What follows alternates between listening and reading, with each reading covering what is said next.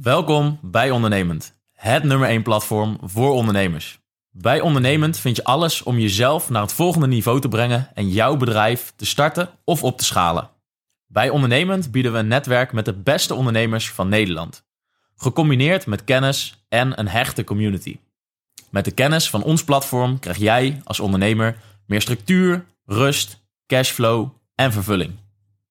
Ondernemend is jouw sleutel tot een nog succesvollere ondernemersreis. Dus wil jij samen met ons jouw maximale potentieel benutten? Join dan onze community. Welkom bij Ondernemend, waar de oprechte verhalen van anderen jou inspireren om meer uit jezelf te halen. Bij Ondernemend vind je echte gesprekken vanuit oprechtheid en openheid. Ondernemend betekent zelfeducatie, groei en op zoek gaan naar jouw waarheid. Erachter komen wie je in de kern bent. De dualiteit in onszelf leren te erkennen. Je grenzen opzoeken en verleggen. Door onszelf stapsgewijs te verbeteren, zullen we uiteindelijk de wereld verbeteren. Wij bewandelen ons eigen pad. Wij zijn ondernemend. Loop jij met ons mee?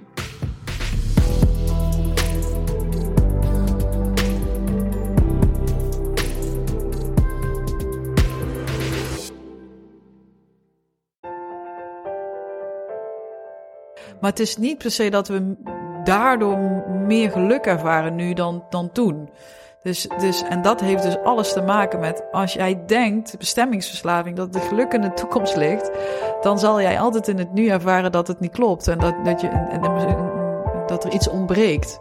Maar als je gaat werken aan het feit dat jij op dit moment volmaakt bent, dat het klopt wat er hier nu is en dat er, dat er, uh, nou, dat er een bepaalde heelheid of eenheid in jezelf voelbaar is, dan wordt het leven echt een hele, dan wordt het een creatie.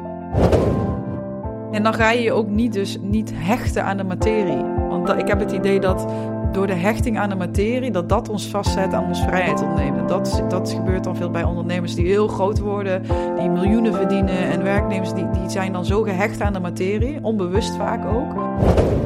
Uh, maar wat vooral vaak gebeurt, is dat mensen blijven hangen in een programma die zich gewoon steeds elke dag blijft afspelen. Lieve luisteraars, welkom bij een nieuwe aflevering van Ondernemend, uh, de podcast. Ik ben David, ik zit hier samen met Cheert en uh, vandaag hebben we twee bijzondere ondernemers in de podcast. We zitten hier namelijk met uh, Mike en Greta van Leef Bewust. Welkom in de podcast. Super om hier ja, te zijn. Ja, leuk. ja. Ik heb er heel veel zin in. Gelukkig, dat is mooi. Ja. Wij ook. Het begint al goed. Ja, zeker. dat is mooi. Ja, wij, wij hebben er ook super veel zin in, want uh, voor, uh, voor ons zijn jullie ook een uh, heel mooi voorbeeld van hoe je bewust kan ondernemen. En ja, is het natuurlijk super mooi wat jullie hebben opgebouwd inmiddels en wat jullie ook teweeg brengen in, in Nederland en misschien ook wel daarbuiten. Mm. Dus zullen jullie, zouden jullie iets willen vertellen over ja, hoe, dat, hoe dat verlopen is voor jullie? waar zijn jullie gestart? hoe, ja, hoe is dat eigenlijk zo, zo gekomen? Ja. ja. Ja, joh, de echte start van, van Leef Bewust. We hebben meerdere starten, dus het is interessant. Ik ben benieuwd. Ik wil je, eigenlijk bij jouw start beginnen. Want jij, bij mijn start? Ja, waar, waar jij vindt dat het gestart is. Waar, waar ik vind dat Leef Bewust gestart is, of het ondernemen. Nou, het is natuurlijk voor mij eh, ergens in 2012 al gestart. Als we echt kijken naar Leven Bewust. Um, toen... Um, toen was ik zelf in Frankrijk op retreat voor het allereerste eerste keer in mijn leven. En uh, daar waren we aan het delen. Mike en ik hadden al een passie over voor gezondheid en, en waren met onze eigen gezondheid bezig. En toen ontstond het idee om te beginnen met een blog. Om te gaan, om te gaan schrijven. Toen, toen de tijd was dat ook nog bijna het enige. Dat was audio en video was helemaal nog niet zo in. Ja. Dus toen, uh, ja, toen zijn we gaan schrijven over alle informatie en kennis die we destijds opdeden. En zo startte Levenbewust als een blog vanuit onze passie, zonder enig plan daaromheen nog. Ja, ja. ja. En dat was al bijzonder dan, hè? als je alleen al een blog had, mm. online, mm. en mensen konden lezen wat je te delen had over voeding en gezondheid. Dat was al heel wat. Van, oh ja, ken je blog? Dan uh, kwamen mensen op straat tegen en dan was dat superleuk. Oh ja, ik had gelezen dat je dit en dit deelde over uh, wortels of over uh, kokosolie, nou, noem maar op. Ik vind maar, het wel leuk, want ik had destijds ook. Uh, wij hebben allebei een communicatieachtergrond. Mm -hmm. En um, nou ja, wij waren sowieso zoekende van: oké, okay, wat, wat willen we eigenlijk nu gaan doen qua werk? Want het was sowieso niet heel erg makkelijk om een baan te vinden die paste bij waar we voor zijn opgeleid. En tegelijkertijd, uh, ja, je bent nog jong, je wil misschien nog heel veel van, van, van de wereld zien. Dat hadden wij heel sterk. Dus we waren heel erg zoekende. En ik kan me nog herinneren dat ik ook echt gewoon vanuit... Jij, jij werkte toen bij een ehm, certificerende instelling, Ja, ja. En ik, ik was al heel... Ik heb een... Het is me een half jaar gelukt om eh, in de loondienst te werken. En toen dacht ik... "Mm, dus dit is het niet voor mij. Dus ik was al iets eerder begonnen met ondernemen door, ehm, door te gaan coachen en trainingen te gaan geven en les te geven op de school waar ik ook zelf opleiding heb gevolgd, de Fontis. En uh, nou ja, daar, daar voelde ik al de vrijheid om je eigen creativiteit te gebruiken en daarmee te gaan werken. Dus mijn passie groeide daar al, dat ik flyers aan het maken was voor Levenbewust. En wat Levenbewust nu is, in vergeleken, vergelijk, vergelijking met toen, is echt een, kom, ja, dat is, dat, als je de logo's zou zien van toen, dat, dat is super schattig. Dus ik denk, ja. oh, maar, maar zo begon het. En ik, Ja. dat ik flyers aan het maken was en die dan bij de, bij de boer neerlegde of bij de ecoplaatsen. Zo van, oh, dit is levenbewust. Maar dat, ik denk dat ieder ondernemer dat wel kent, hoe dat dan ooit be- begonnen was. Ja, ik krijg daar altijd een warm gevoel bij van, oh ja, weet je, ergens daar, toen wisten we absoluut niet wat levenbewust vandaag de dag zou zijn. Maar ja, als het met passie begint, dan, dan voel je gewoon zoveel energie om daarmee verder te gaan. Ja, ja, dat is alweer, dat is al tien jaar geleden, elf, bij- bijna elf jaar geleden. Maar, maar dus, het is altijd een, gewoon een blog geweest vanuit passie, vanuit het gevoel van hey, we willen mensen gewoon waarde bieden. En langzaam maar zeker is die community gewoon steeds groter geworden. En wij werkten beide gewoon. Jij, deed, jij werkte als ondernemer al, ik werkte gewoon in loondienst. Eh, dus leefbewust werd er gewoon bij gedaan. Ja. Ja. Ja. Gewoon echt als passie, idee mensen inspireren, motiveren om echt die regie te nemen, gezondheid in eigen hand te nemen. Tot in 2015, eind 2015, toen kwam ik thuis na een dag werken. Nou, als je het dan hebt dus over je passie. Nou, het werk was absoluut niet mijn passie. Ik kwam regelmatig thuis met bloeddoorlopen ogen. Dat ik echt dacht van, mijn enige lichtpuntje was het eten wat op tafel stond. Mm. Als je die dan gemaakt had, soms als ook er niet. stond.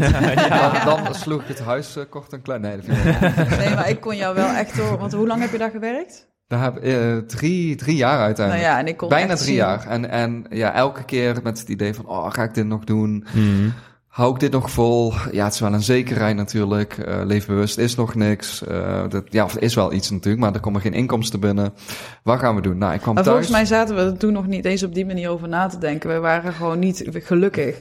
En, en zelfs in mijn geval, ik, ik, ik was dan freelancer. Ik kon dan wel mijn, mijn opdrachten uitkiezen. Maar ook ik voelde dat ik niet volledig voor mijn hart ging. Dat ik Mhm. niet volledig voor datgene ging waar ik, ja, waar ik blij van werd. Ja. Dus wij hadden allebei eh, op, op eenzelfde soort fase, een punt in ons leven, zoiets van, iets klopt hier Ja. gewoon niet. Ja, we hebben een fijn huis, alles was oké, het plaatje klopte, maar, Maar van maar binnen klopt gevoel het gewoon klopte niet. Nee. Nee. Nee. En ik kwam toen thuis op een dag en ik wist al dat jij heel erg een behoefte had. Gert had dus echt een behoefte van, oké, ik wil gaan reizen. Je zei al van, oh, ik wil een keer twee maanden weg of drie maanden weg.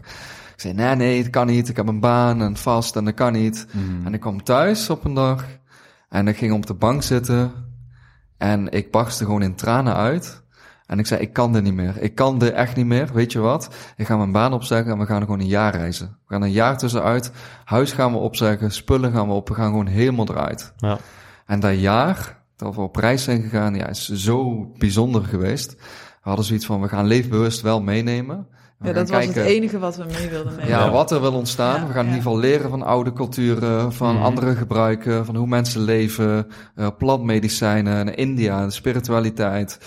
Eh, maar vooral eh, een sprong in het diepe maken, ja. want we wisten toen de tijd natuurlijk helemaal niet waar we in terecht ook zouden niks komen. gepland, gewoon Nee. gaan en zie maar waar je naartoe gaat. Mhm. Van oké, Ticket dit, naar India geboekt. We dachten, we beginnen meteen goed. New Delhi, Ja. India, het meest eh, ver- vervuilde stad van een de wereld. hectische volgens land. Ja, ja. ja, is echt gewoon Ja, wow. nou ja, cultureshock, eh, ja. Maar ja, daardoor, da- tijdens die reis is leefbewust eh sowieso meer gegroeid. Had het gevoel van, oké, community, community, eh, verder bouwen. Totdat we iemand tegenkwamen.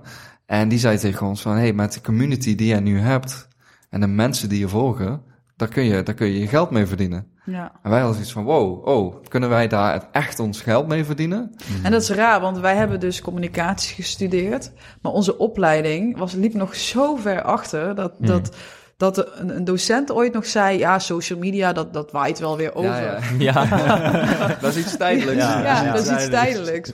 Dus het is ook gewoon voor ons was het een compleet nieuwe wereld om online te gaan ondernemen. Want 90% van wat we doen, misschien 80% van wat we doen is online. En dat is een echt een compleet andere wereld. Dus toen iemand op ons pad kwam om te zeggen van ja, maar hey, je kunt hiermee door blijven gaan, want we stonden op een punt dat we inderdaad al een community hadden van 2000 mensen, dacht ik. En dan ga je mailinglijst, ja, de ja. mailinglijst. En dan ga je dan op een gegeven moment moet je voor alles gaan betalen voor eh, eh, je, je website, voor je e-mailsysteem. En ja, wij waren low, low, low, low budget aan het reizen. Dus dan iedere euro die er dan ook nog uitgaat, die, die voel je. Ja. Uh, dus we dachten wel van ja, we, moeten, we, mogen, we mogen iets gaan doen hiermee. Dus toen kwam hij op ons pad en zei van ja, maar je kunt hier ook gewoon iets mee doen. En, en hij heeft dat ons uitgelegd en geleerd van nou ja, super simpel eigenlijk. Van je moet een mailtje sturen met het aanbod naar je klanten. Ja. Uh, of naar, nee, niet naar je klanten, naar, naar je lijst. Mm. En, en ja, en dan kijken wat er gebeurt. Ja. Dus het, uiteindelijk is het ook allemaal niet zo moeilijk. Maar als je het gewoon totaal niet weet of vanuit een hele andere hoek komt, ja, dan, is het, dan voelt het een beetje onwerkelijk. Van, oh, kan ik echt inderdaad met ja, mijn passie en online, terwijl ik aan het reizen ben, geld verdienen? ja. Ja. Maar leefbewust al bijna niet meer bestaan. Want wij hadden dus wel zoiets van als dit niks oplevert, dan stoppen we er echt mee. Ja, Mm. Want we geven alleen maar geld aan uit en er komt gewoon niks voor terug. Dus het voelde gewoon niet in balans. En toen eenmaal die mail eruit was en wij het eerste aanbod hadden gedaan voor ons boek Oervoeding, het digitaal boek. En er kwam dus geld binnen, was voor ons wel het, de bevestiging van, oh ja, het kan dus wel. ja. En dan hadden we het gevoel van, oké, dit is hier willen we echt mee verder gaan. Ja, En voor toen ons was het een beetje zo'n meer- teken van het universum van oké, ja, Ja. want we hebben echt gezegd van tevoren, als, het, als dit niet werkt, dan stoppen we ermee. Dus het was voor ons echt een ingang van oké, het is de bedoeling dat we door blijven gaan. Ja. Ja, ja, ja. Maar ja, dat vergeten denk ik heel veel mensen. Ik bedoel, kijk, als je nu ook bijvoorbeeld leefbewust ziet en je ziet de hele organisatie en wat jullie doen, dat is weer, dat is al iets- inmiddels zoiets groots. ja. Maar het begint natuurlijk bij elke onderneming gewoon bij, ja, bij dat flyertje en bij dat gewoon dat punt, eh, ja, bijvoorbeeld net als met zo'n podcast waar het gewoon alleen maar geld kost Ja. en waar het gewoon, eh, waar- ja, waar het in feite niks oplevert. Alleen, ja, Ja. ik denk dat heel veel mensen die, eh, die, die, ja, die vergeten dat ook, dat dat er allemaal bij hoort. Ja, mensen is- eh, ja. hebben ook vaak het idee, en dat is ook zo mooi wat jullie doen, dat je iets deelt vanuit passie. Je wil andere mensen inspireren, motiveren en je wil een boodschap overbrengen. En als je daarmee begint als ondernemer, dan kun je niet fout gaan. Want als jij iets leuk vindt, mensen hebben ook vaak met voeding. Mensen spreken, oh ik ben ook geïnteresseerd in voeding, ik wil daar iets mee gaan doen. Maar iedereen doet dat al. Iedereen is al bezig met gezondheid. Dus de markt is al verzadigd. Maar dat is niet. Mensen volgen mij niet zozeer. Of mijn, mijn, mijn boodschap niet zozeer, maar mij. En het gaat om het proces van delen. En en het maakt niet eens waar, waar je staat op dat moment. Mensen hebben dan het idee, oh, maar ik heb nog geen opleiding gedaan. Ik weet nog niet voldoende. Ik kan nog niet vloggen, of ik kan nog niet bloggen, of ik kan nog niet schrijven. Nee, noem maar, maar op. De, excuses zijn eindeloos natuurlijk. Ja. Maar mensen haken aan op jouw proces.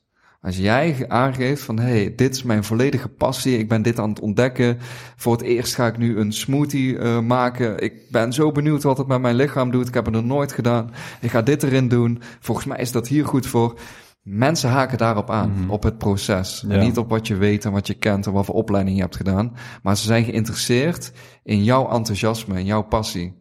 En als je dat weet over te brengen, dan gaan mensen aanhaken. Want jij bent volledig in passie daarvan. Nou ja, Dat is wat mensen kunnen, dan, kunnen Ja. dan voelen of, of het aansluit bij, bij de ontwikkeling die ze zelf willen doormaken. Ja. Ja, maar het is ook, zeker aan het start is het, dan heb je het inderdaad over, het kost, het kost geld. Um, maar het kost ook heel veel tijd en energie en ook best wel wat innerlijk werk. Je hebt echt jezelf aan te kijken, continu. Als jij succesvol wil gaan ondernemen, dat, dat ontstaat niet zomaar. Dus je komt vaak ook jezelf iedere keer tegen. En ik weet niet hoe vaak wij wilden stoppen met levenbewust, omdat het allemaal niet liep. En dan toch door blijven gaan en toch gewoon vertrouwen blijven houden van nee, maar wat, wat ik, waar mijn passie ligt en waar mijn hart ligt, dat, dat mag ik blijven volgen, daar mag ik op vertrouwen. Dus ja, dat, dat vraagt best wel wat. Tenminste, vind ik, als je het echt vanuit vervulling wil blijven doen. Ik geloof dat er veel ondernemers zijn die, die inderdaad uh, misschien snel geld willen verdienen en dan eventjes dit en eventjes dat. Maar uiteindelijk, en eh, naast levenbewust ben ik ook business coach en werk ik met veel ondernemers, zie je ook echt dat dat, dat op lange termijn gewoon niks oplevert. Je komt in een burn-out terecht of je bent gestrest of overspannen als je niet werkelijk vanuit je hart iets neerzet. Want Ja. ondernemen is gewoon, het, het is het leukste wat er is, maar het is niet altijd het makkelijkste wat er is. Als je er niet volledig uh, in staat en je energie ook volledig met je meewerkt.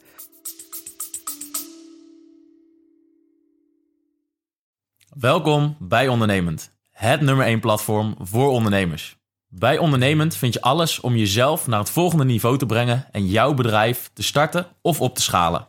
Bij Ondernemend bieden we een netwerk met de beste ondernemers van Nederland. Gecombineerd met kennis en een hechte community. Met de kennis van ons platform krijg jij als ondernemer meer structuur, rust, cashflow en vervulling. Ondernemend is jouw sleutel tot een nog succesvollere ondernemersreis. Dus wil jij samen met ons jouw maximale potentieel benutten? Join dan onze community.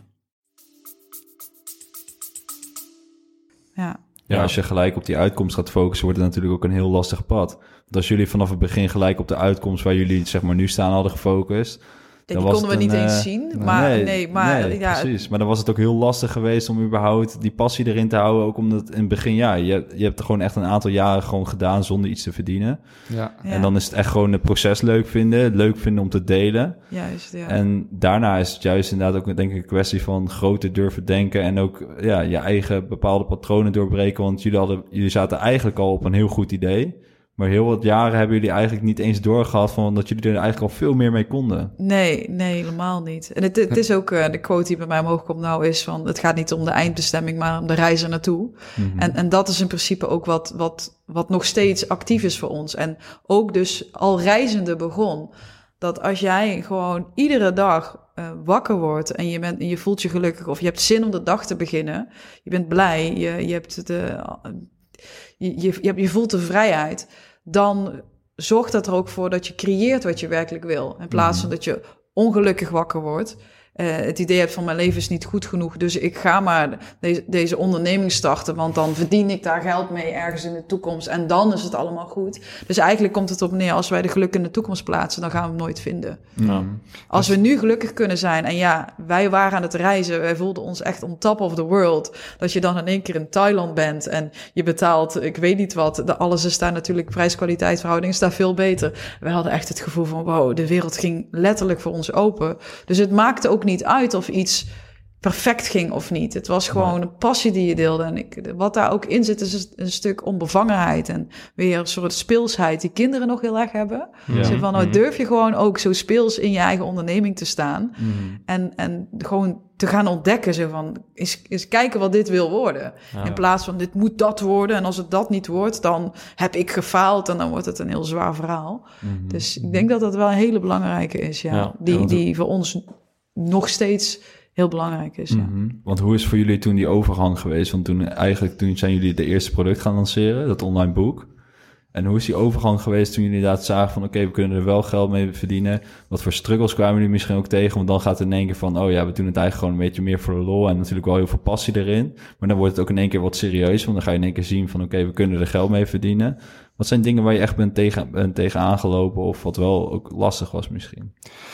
Ik denk vooral de, de, de- voor mij de automatiseringssystemen. Van welke programma's heb je nodig? Hoe werk je daarmee? Eh, wat komt erbij kijken? Eh, betalingssystemen, noem maar, maar op. Want die passie om te creëren en content te maken en programma's te maken, ja, die was er gewoon. Dus voor mij was vooral de uitdaging van, oké, hoe werk je dan? Hoe, hoe ziet het er praktisch uit? Want Ja. je kan inderdaad een mooi programma ontwikkelen, maar met welk programma maak je dat programma? Ja. Ja, Hoe, eh, hoe ga je dat aanbieden? Doe je dat via een mailtje? Ga je dat eh, op Facebook zetten, op Instagram, eh, via een story? Eh, hoe laat je ze betalen? Hoe ziet dan zo'n traject eruit? nou, technische Dus- achtergrond daarin ook. Ja, het technische gedeelte Mhm. vond ik eh, best wel lastig. Eh, maar de, de struggle om te creëren was er niet, want dat, was- dat was gewoon pure passie. Dus daar rolde Ja. er gewoon uit. Daar zat zoveel, ja, zoveel passie en energie achter. Dus ik geloof ook wel dat mensen... Burn-out wordt vaak gezegd van... oh, je hebt te veel gedaan. Maar ik geloof echt dat burn-out vaak het gevolg is van... dat je te weinig doet van datgene wat je hart in vuur en vlam zet. Ja. Want je kan, persoon A, die kan vol in, vanuit passie iets doen. En eh, eh, 60 uur per week werken en zich perfect voelen. Maar als je dat 60 uur per week werkt en je doet dingen waar je totaal niet blij van wordt. Ja, dan kom je in een burn-out natuurlijk. Dus het gaat om, je geeft energie weg, maar als er geen energie terugkomt, ja, dan put het je uit. Maar dit gaf mij echt energie. Hoeveel ik ook deed, er kwam energie voor terug. Dus Ja. dat creëerde wel die balans. Dus daar ervoer ik absoluut geen struggle in. Het was Mhm. meer de, de, ja, ik vind het wel leuk om jouw struggle nu te horen. Want ik, we horen ook af en toe nieuwe dingen van elkaar. Of tenminste weer even aan een ander licht. denk ik, ja, volgens mij heb ik die struggle dan opgevangen. Want volgens ja, ik heb dat gedeelte heel erg aan de achterkant. Ik was vroeger altijd een beetje zo'n computernerdje die dan eh, ja, gewoon super leuk vond om dan zelfs een beetje in HTML-code te werken en zo. Oh ja. Nou, dat is, dat is er wel inmiddels vanaf. Maar dat vond ik toen wel super leuk om, om uit te zoeken. Maar mijn struggle was, en dat was voor jou dus weer niet de struggle. Dus het is leuk om, om te zien ook dat het elkaar in ons geval dan uitbalanceert. Is echt de, de bekendheid die, die, die kwam op een gegeven moment en de groei. En wij zijn natuurlijk niet eh, zomaar een bedrijf. We zijn best wel, we hebben een hele uitgesproken mening. We hebben ook een, een visie over, over de maatschappij, over de manier waarop dingen gaan in de, in de eh, voedingsindustrie. Dus we spreken ons uit. En daar, eh, daar zijn sommige mensen heel blij mee, maar er zijn ook mensen niet blij mee. Of die, die vallen ons dan aan, of ze noemen dat tegenwoordig trollen. Maar dat vond ik het moeilijkste. Dat was mijn struggle. Mhm. Van, oh, ik heb ooit een keer een artikel geschreven. En dat dan in één keer een, een man eh, mij ging mailen en soort van bijna ging stalken. Van ja, ik ga je aanklagen, want het mag je helemaal niet zeggen. En, en, dat, ja, en, en dat soort momenten heb ik heel moeilijk gevonden. Van oké, oh, mag ik dit eigenlijk wel zeggen? Of de neiging die ik dan had, en dat weet ik dat heel veel ondernemers dat hebben, is het moment dat ze inderdaad naar voren stappen. En ze worden dus meer gezien en meer gehoord, maar ze krijgen dus ook kritiek. Dat dan de neiging is om weer, oh, dan ga ik weer naar achter. Ja. Dan ga ik mezelf weer kleiner maken. Oh, doe maar even rustig aan, want zus en zo. En ehm, ja, dat was mijn struggle. Om elke keer dan in die beweging te zitten, voor naar achter, voor naar achter. En op een gegeven moment te zeggen, nee, maar nu blijf ik gewoon staan. Voor mijn waarheid, voor mijn visie. En dat, en, en, en, en that's it. En dan Mhm. deal ik met het gevoel wat ik daarvan krijg. Zonder dat ik het idee heb dat ik weer van mijn plek af moet. Ja. Ja, ja. Ja, maar dat is denk ik voor heel veel ondernemers ook wel. Dat je echt eh, op een gegeven moment, ja, word je ook zichtbaar natuurlijk. En eh, ja, je moet dan ook durven echt jezelf te zijn en, eh, en af te wijken van andere mensen. Ja, ongeacht wat mensen daarvan van gaan vinden. ja. Ja, bij één natuurlijk meer dan de andere. Ik bedoel, ja, sommige ondernemers zijn helemaal niet zichtbaar online. Maar in jullie geval ben je natuurlijk ook heel erg zichtbaar. Ja, Ook als en niet- persoon. ja, precies. En, en ook persoonlijk zichtbaar. Want Ja. ik, ik deel echt heel veel over mijn persoonlijke ervaringen in het leven. Dus, dus het is een, ehm, voor mij gaat het gaat ondernemen ook over authenticiteit. En als je, het is voor ondernemen is iets heel natuurlijks voor de mens. Wij, wij van, als, van vroeger aan al waren we allemaal ondernemend, hadden we allemaal een klein winkeltje aan huis. Of zeker zelfs nog als je gaat reizen in Aziatische landen, dan heeft bijna iedereen wel een winkeltje aan huis om daar wat mee te verdienen. Dus het zit best wel in onze aard om te ondernemen. Alleen het is gewoon een, een, een kunst om daar authentiek in te blijven. En niet te denken van, oh, ik wil dus nu in de gezondheid. En dan heb je misschien een inspiratievoorbeeld. En dan ga je dat letterlijk kopiëren en dat nadoen. Daar ga, daar ga je weer niet gelukkig van worden. Want dat is niet jouw eigenheid. En je, ik geloof dat iedereen die voelt de, de drive te hebben om iets neer te willen zetten of om iets uit te dragen. Dat je dan ook erop mag vertrouwen dat als je heel dicht bij jezelf daarin blijft, dat dat klopt. En dat, dat, dat daar iets unieks uit ontstaat. En dan hoef je niet een unique selling point te bedenken voor je bedrijf. Nee, jij, jij, jij bent dat zelf. Of de manier waarop jij kijkt naar de wereld of naar, eh, naar wat je de wereld in wil brengen, maakt het uniek. Maar Ja. dat vinden mensen spannend, want dan, ja, dan gaat wel een gedeelte van die masker weg natuurlijk. Dan kun je niet eh, achter een masker eh, je voordoen als iemand. Nee, maar dan ben je, ben je echt en authentiek. Ja. Ik vind dat heel belangrijk en ik mis dat best wel in de, in de ondernemerswereld. Mhm. Maar wat, wat je net ook zei, zeg maar, dat je bijvoorbeeld Mike gaf het voorbeeld van dat hij zich echt slecht voelt op een bepaald moment. Dan heb je natuurlijk wel een, een lagere energiefrequentie, een lagere energie. En dat is denk ik wel de, de kunst van, ja, hoe- ga je bijvoorbeeld van heel veel mensen voelen zich misschien niet zo goed, ze weten niet zo goed wat ze willen. Je zit in die lage frequentie en je gaf ook aan van, nou ja, wij gingen reizen en toen voelde ik me eigenlijk meer rijk en daardoor ga je ook iets mooiers creëren. Ja, ja. Alleen, ik denk dat dat wel heel lastig is van ja, hoe je dus toch al gaat leven op de frequentie die je wil leven, zodat je ook ja, meer, ja, ik noem het dan manifesteren, meer naar je toe ja, haalt. ja. Ja. dat je al op de, op de plek bent waar je wil zijn eigenlijk. Alleen, ja, hoe zouden jullie dat, dat zien voor mensen die daar eh, die last hebben van een laag energieniveau? Hoe kun je daarmee aan de gang Nou ja, je, gaan? hoeft, je, je hoeft sowieso niet te gaan reizen natuurlijk. Dus dat is ons pad natuurlijk geweest. Mhm. Eh, maar wat vooral vaak gebeurt, is dat mensen blijven hangen in een programma die zich gewoon steeds elke dag blijft afspelen. En dan het idee van, eh, er verandert niks, er verandert niks in mijn leven. Maar ja, er verandert pas iets in je leven als jij als persoonlijkheid ook verandert. Met dezelfde persoonlijkheid kun je niet een ander leven creëren. Dus je moet letterlijk in een andere realiteit stappen om een andere realiteit te kunnen creëren. En dat betekent dus dat je allereerst je gedachten moet gaan observeren. Van hé, hey, wat zijn mijn meest dominerende gedachten? Waar sta ik mee op? Wat ga ik als eerste doen? En als je die patronen gaat doorbreken, dan gaat je leven er ook heel anders uitzien. We hebben bijvoorbeeld een wake-up challenge georganiseerd, waarin mensen met ademwerk, bio-energetica, lichaamswerk aan de gang gaan. Er zijn mensen die zeggen gewoon, mijn, mijn hele familiedynamiek is veranderd. Hoe ik praat, hoe ik eet, hoe ik met mijn kinderen omga.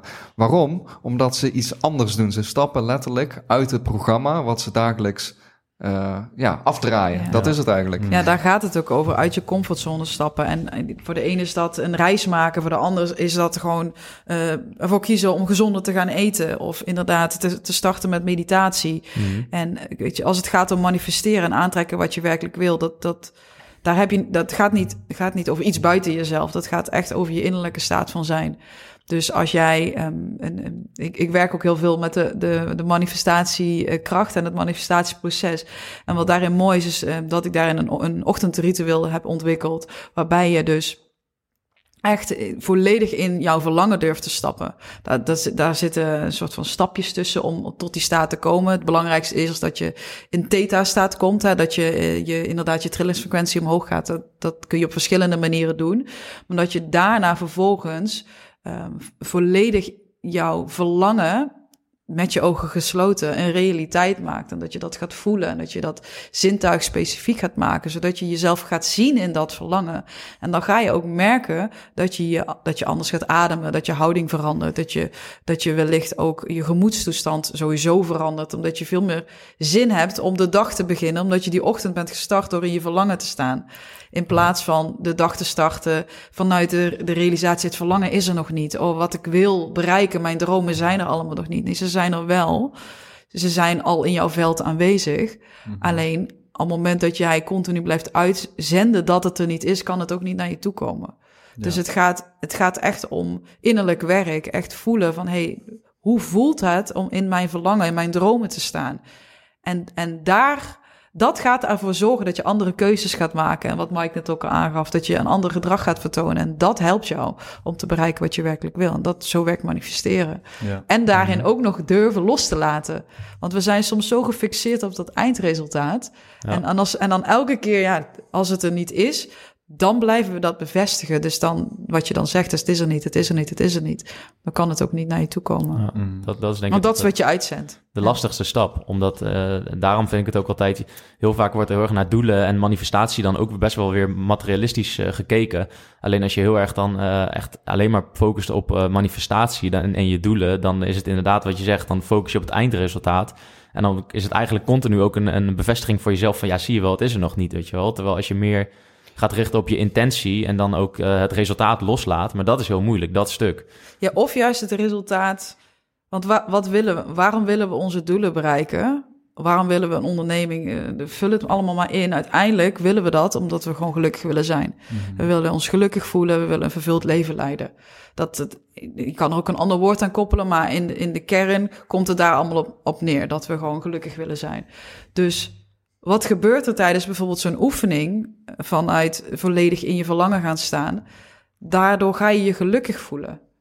En dan, dan ga je ook doorzien dat, dat het eindresultaat is eigenlijk meer het spel wat we te spelen hebben. Die dromen die we hebben, die zijn er zodat we gewoon een bepaalde drive in het leven voelen. Zodat we, en dat is ook wat ik mensen continu wil blijven uitnodigen. Durf je te spelen als een kind. Durf je speels te zijn en te zien van, ik weet niet of het gaat lukken, of ik daar aan ga komen, maar de, als je het spel nu leuk vindt, daar gaat het toch om. Ja. En dan maakt het toch eigenlijk niet helemaal uit waar je dan precies eindigt. Want je vindt het nu leuk, je bent nu vervuld van het leven. Maar dat is volgens mij waar het ook om gaat. Dat je in het nu het plezier ervaart. Want ik spreek ook wel eens mensen, ja, ik wil uh, graag uh, dokter of arts worden, chirurg. Maar ik moet er wel uh, zeven jaar voor studeren. Ja, dat vind ik dan minder leuk. Mm. Als ik het dan eenmaal ben, daar ga ik dan voor. Denk van, ja, maar waarom zou je het dan in godsnaam doen? Zeven jaar van je leven vergooien, om dan dadelijk daar te staan en dan te denken, oh ja, is dit het dan? Mm. Het gaat juist om een proces. Dat je denkt van, oh, maar ik vind het vooral heel leuk om te doen, te leren, te kennen, te proberen. Nou ja, te proberen bij het chirurg, dat moet je wel mee oppassen natuurlijk. Maar gewoon dat hele proces natuurlijk, daar gaat het om. En als je dat al niet leuk vindt, denk van, ja, dan, dan moet je er ook niet voor gaan. Ja. Want, want de enige wat je hebt is dit moment. En als je al alleen maar aan het kijken bent, en dat is een beetje al een, een, een, een houding die heel veel mensen hebben. Uh, ik noem het altijd bestemmingsverslaving, dat het Mm. geluk is altijd net over die horizon. Weet je, altijd net, Net, één daar stap. waar je niet bent. Net ja. iets Mhm. succesvoller, net iets meer geld, net iets betere relatie. Ja, het is het bijna, het is echt bijna, maar net even dat stap. Maar zo kun je nooit genieten echt van je succes. Want het, het is altijd net een stapje verder dan waar jij bent. Ja. Dus, en dat vraagt ook om bewustwording. Ik zit ook gewoon in ons als mens. Ik bedoel, ik herken dat ook van mezelf. Dat je altijd weer vooruit kijkt. Oh, maar dit kan iets beter. Ja, maar tien jaar geleden was dit de grootste droom om te staan waar je nu staat. Kun je daar ook van genieten? En zien dat het om het proces gaat, om het spelen inderdaad. Om te ontdekken en te kijken van, hé, hey, was er nog meer mogelijk? Zonder vast te klampen aan het einddoel. Want er is geen einddoel. Er is alleen maar dit moment. Dat is het enige wat je hebt. Ja. Als je daarvan kan genieten, dan eh, gaan er gewoon deuren openen. Want als jij altijd maar het geluk, pla- geluk plaatst in de toekomst, zul je nooit het geluk in dit moment ervaren. Dan zul je altijd ellendig en, en, en, en, en boos en fru- gefrustreerd zijn. En ja, daar, daar, daar bereik je weer niks mee. Dus het is ook weer een En dat maakt ondernemen ook gewoon super moeilijk en zwaar. Ja. En mensen zeggen ook wel eens van, eh, ja, bij ons van, oh ja, jullie hebben er ook heel hard voor gewerkt. Maar dat is niet mijn realiteit. Ik, natuurlijk, wij werken, wij werken aan, aan alles wat we doen. Maar ik maak dan altijd de, de, het verschil tussen hard werken met een D of hard werken met een T. We hebben echt volledig vanuit ons hart gewerkt. We, hebben, we geven ons 100%. Maar je ziet ons niet, ehm, veer- niet eens 40-urige weken draaien of zo. Dat is niet onze visie op hoe wij uber- überhaupt ondernemerschap zien, maar ook niet werken van, eh, vanuit je hart zien. Ik geloof niet dat het gaat om volle, volle werkweken draaien. Volgens mij gaat het veel meer om slim, slim kunnen ondernemen. En ook ondernemen volgens je eigen, eigen voorwaarden. En er zijn mensen die willen wel die 60 uur d- draaien. Die, gaan, die daarop en die- dat voelt kloppend. Maar er zijn ook mensen die, die helemaal oké zijn met, met 20 uur of 30 uur. Of misschien zelfs de 4-hour workweek, want die heb je ook. Dus ik denk dat het er ook uiteindelijk om gaat voor ons is wat is jouw meest ideale leefstijl? Als je even loslaat hoe andere mensen het doen, of hoe andere mensen zeggen dat jij het zou moeten doen, maar gewoon eens gaat kijken, jouw meest ideale leefstijl. Want mensen nemen dat vaak niet mee in onderneming. Ze kijken wel mijn meest ideale onderneming, Mm. zonder een eigen ja. leefstijl erbij te betrekken. Maar ik zou, ja, ik zou het andersom willen, eh, ik zou het om willen draaien van nee, maar hoe ziet jouw me- meest ideale leven eruit? En bij ons was dat ehm, een, eh, echt een, heel veel vrijheid om te kunnen, te kunnen beslissen dat we, als we morgen naar Bali willen, dat dat kan. Dus die, die flexibiliteit en die vrijheid daarin. En ehm, voor ons grotendeels ook online, omdat dat dus die locatie onafhankelijkheid geeft. Dat kunnen we ons werk overal mee naartoe nemen. En, en voor ons was ook een belangrijk gedeelte, want wij geven ook events en retreats, dat dat, dat menselijke contact erin blijft zitten. Want dat, dat, als dat er niet is voor ons, dan klopt het weer niet. En en eh, gezondheid. En er zijn heel veel aspecten zitten daarin. Maar ik denk dat het belangrijk is om daarbij stil te staan. En dan je bedrijf of je onderneming of je ideeën daaraan toe te voegen. In plaats van je, je onderneming centraal te stellen vanuit een bepaald doel. En dan vervolgens jezelf verliezen terwijl je dat doel probeert te bereiken. Want Ja. dat gebeurt er dus heel veel. En dat is ook volgens mij de reden waarom heel veel ondernemingen, volgens mij, ik ken de cijfers niet, maar of, mm, die, heel veel ondernemingen die stoppen weer na, de, na drie jaar, omdat ze dan, ja, omdat het dan niet is gelukt of zo, of omdat ze dan niet door willen pakken, of ik weet niet precies wat de redenen daarvan zijn, maar ja, daar komt het dan uiteindelijk wel op neer. Als je jezelf niet meeneemt, dan wordt het heel zwaar. Ja. En dan wordt het heel hard werken. Ja. ja, dan word je inderdaad, komt het niet meer echt vanuit die, of ja, dan voelt het ook inderdaad als een struggle, in plaats van dat het een leuk proces wordt. Omdat Ja. je dan, ja, dan zit je niet meer echt in die flow. Ja, volgens mij is het verschil, zoals ik dat zie, is je kunt op twee manieren in het leven staan en, en, en werken en, en noem het maar op. Vanuit een baseline, ehm, ik ben niet goed genoeg. Of vanuit de baseline, ik ben goed genoeg. Of het is, het is goed genoeg, of het is niet goed genoeg. En als jij 's ochtends de dag start en gaat werken vanuit het idee, het is niet goed genoeg, dan ben je dus dan ben je aan het struggelen. Dan ben je aan het overleven. Dan is zelfs je onderneming, die misschien zelfs, wat zelfs passie zou kunnen zijn, is nog steeds een struggle. Maar als je voelt oprecht in jezelf, en dat is een staat van bewustzijn, het is goed genoeg, wie ik ben is goed genoeg, wat ik op dit moment doe is goed genoeg, waar mijn bedrijf staat is goed genoeg, dan ga je op een hele andere manier je, je, je dag invullen en je, je onderneming invullen. Dan komt veel meer vanuit, zoals ik dat zie, een hogere staat. En, en ja, dat, dat is jullie, ik gaf het volgens mij ook aan het begin al aan van het bewuste ondernemerschap. Dat spreekt jullie ook aan. Ehm, nou, dat is het wat het voor ons is. Dat je je bewustzijn er continu in meeneemt. En dat je snapt dat, dat het heel belangrijk is om al in te gaan, maar daarin niet jezelf te verliezen. Mhm. Want het is een spel die we mogen spelen en, en waar we volledige vrijheid en ons volledige potentieel mogen uiten. Maar als jij in één keer niet meer doorhebt dat het een spel is en je gaat het in één keer heel serieus nemen en je gaat daardoor lijden, ja, dat is, dat is het helemaal niet waard. Nee. Maar dat is dan denk ik ook de belangrijkste tip dan. Van creëer een business om je leefstijl in plaats van een leefstijl om je business heen. En dat laatste wordt gewoon heel vaak gedaan. Oh, ik heb een business, ik heb een idee, dat creëer ik. En dan ga ik een leefstijl daaromheen creëren. Maar ja, wat, wat is het belangrijkste? Je wordt meest gelukkig natuurlijk wanneer je eerst bepaalt... nee, dit is mijn leefstijl. En welke business past het beste bij de manier waarop ik wil leven? Ja, dan ga je thriven natuurlijk.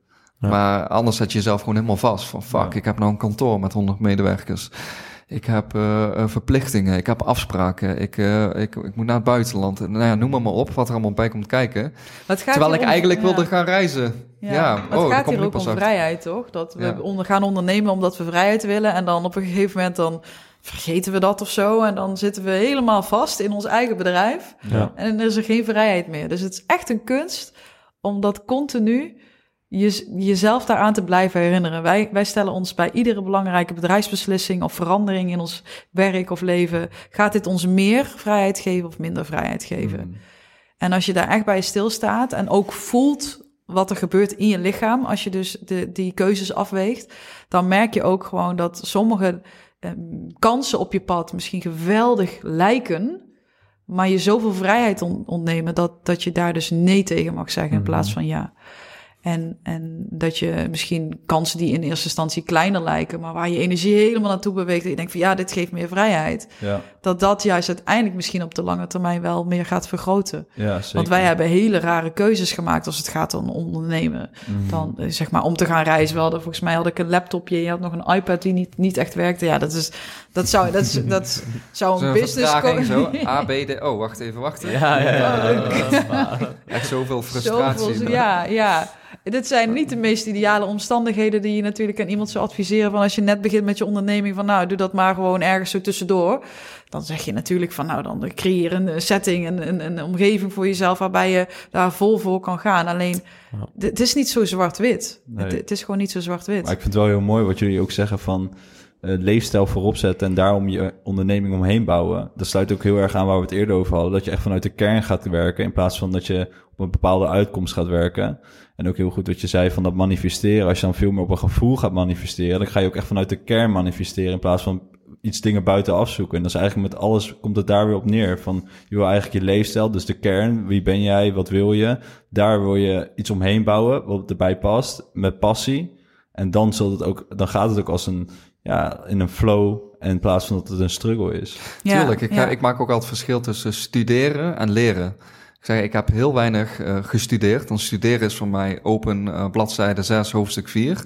Terwijl leren gaat, als na- gaat van nature. Ja. En als jij ergens in geïnteresseerd bent of een passie voor hebt, dan gaat leren als vanzelf. En heel veel ondernemers denken van, oh, wie is er nou geïnteresseerd in mijn breiwerk? Ja, vind ik superleuk om te doen, maar ja, bij god, eh, terwijl er gewoon een huddle is. Het, volgens mij uh, maken ze breifilmpjes, die, die is gewoon bijna miljonair daarvan. Ja, ik denk van, ja, maar als jij, als jij ergens een passie in hebt... En je deelt dat met andere mensen. Als jij al ergens een passie hebt, dan zullen ongetwijfeld andere mensen zijn die ook een passie daarin hebben. Ja. En als je dat weet te delen, dat proces, dan haken mensen gewoon aan. Maar denk niet van, oh, ik heb nu een passie, daar is, daar is niemand in geïnteresseerd. Al zijn het plakplaatjes, uh, breien, nou ja, wat het ook mag zijn. Daar zal iemand in geïnteresseerd zijn. Mm. En als je die passie die jij in je voelt daarvoor weet uit te dragen en daar, dat proces weet te delen, ja, zullen mensen aanhaken. Ja. Volgens mij is dat ook een van de, de grootste valkuilen wat, wat veel startende ondernemers hebben. Of misschien zelfs als je al langer aan het ondernemen bent, is dat je van buiten naar binnen beweegt in plaats van van binnen naar buiten. Dus je bent aan, je kijkt, we hebben dat zelfs zo geleerd ooit. Lang geleden van, oh ja, dan, dan kijk je naar de markt en wat doet de markt en wat doen de concurrenten. En dan moet je net even Ja. iets anders Ja. gaan doen. En ik snap het wel. Ik, ik snap wel waar het vandaan komt. Alleen ondernemen is voor mij zoveel meer dan, dan jezelf in de markt plaatsen. Voor, voor mij is dat mijn leven. Het is gewoon werkelijk hier op aarde kunnen doen waarvoor ik gekomen ben. Daar gaat het voor mij om. En dat, dat, dat kunnen we dan ondernemen noemen. Of, dat hebben we, of ik, ik, ik verbind het vaak meer met echt mijn missieleven. Creëren. Het creëren, inderdaad. Uh, daar gaat het voor mij veel meer over. En als we dan... Um, we verliezen onszelf daarin als we dus gaan vergelijken en juist wat doen andere mensen en oh, dan, dan moet ik dat ook ongeveer zo doen. In plaats van dat je echt van binnen naar buiten te bewegen van oké, okay, waar als ik nu alleen nog maar mijn, mijn enthousiasme of mijn excitement ga volgen, wat zou ik dan nu gaan doen? En, en dat ja. steeds blijven doen, gewoon iedere keer een stap zetten. Ja, dan, dan ben je, dan, dan komt er iets, net als wat wij ook hebben ervaren wat je nu misschien nog helemaal niet kan bedenken vanuit je huidige mindset. Mm. Dus, dus als het gaat om het potentieel, we, we, weten helemaal nog niet. Als jij, als we volledig ons potentieel gaat leven, wat daar, hoe dat eruit gaat zien. We hebben misschien wel een beeld die we kunnen, of een droom die we kunnen zien. Maar het is vaak veel groter dan dat. En dat kunnen we alleen bereiken als we echt van binnen naar buiten te gaan bewegen. Echt van nou, dicht bij onszelf durven te blijven. En dus dat vertrouwen weer, want daar gaat het echt vaak over. Van durven te vertrouwen dat, dat, dat het dan vanzelf komt. En dan heb je wel inzet te tonen. Hè? Het is niet zo van zitten en dan mediteren en dan ja, ik mm. voel het verlangen, ik voel het verlangen, het komt, het komt. Nee, we hebben wel echt ook actie te ondernemen. We, mogen echt ook die, eh, zeker voor vrouwen, die mannelijke energie gebruiken om, om doelen te bereiken.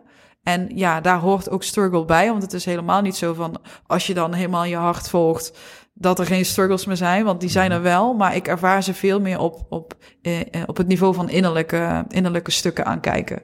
Bijvoorbeeld als ik een doel heb voor mezelf, op een groot podium staan bijvoorbeeld, vind ik heel spannend. Ja, dan, dan kan ik dus zeggen, ook oh, vind dat spannend, dus ik ga dat niet doen. Of ik ga kijken van, hé, hey, maar wat in mij maakt dat ik dat spannend vind?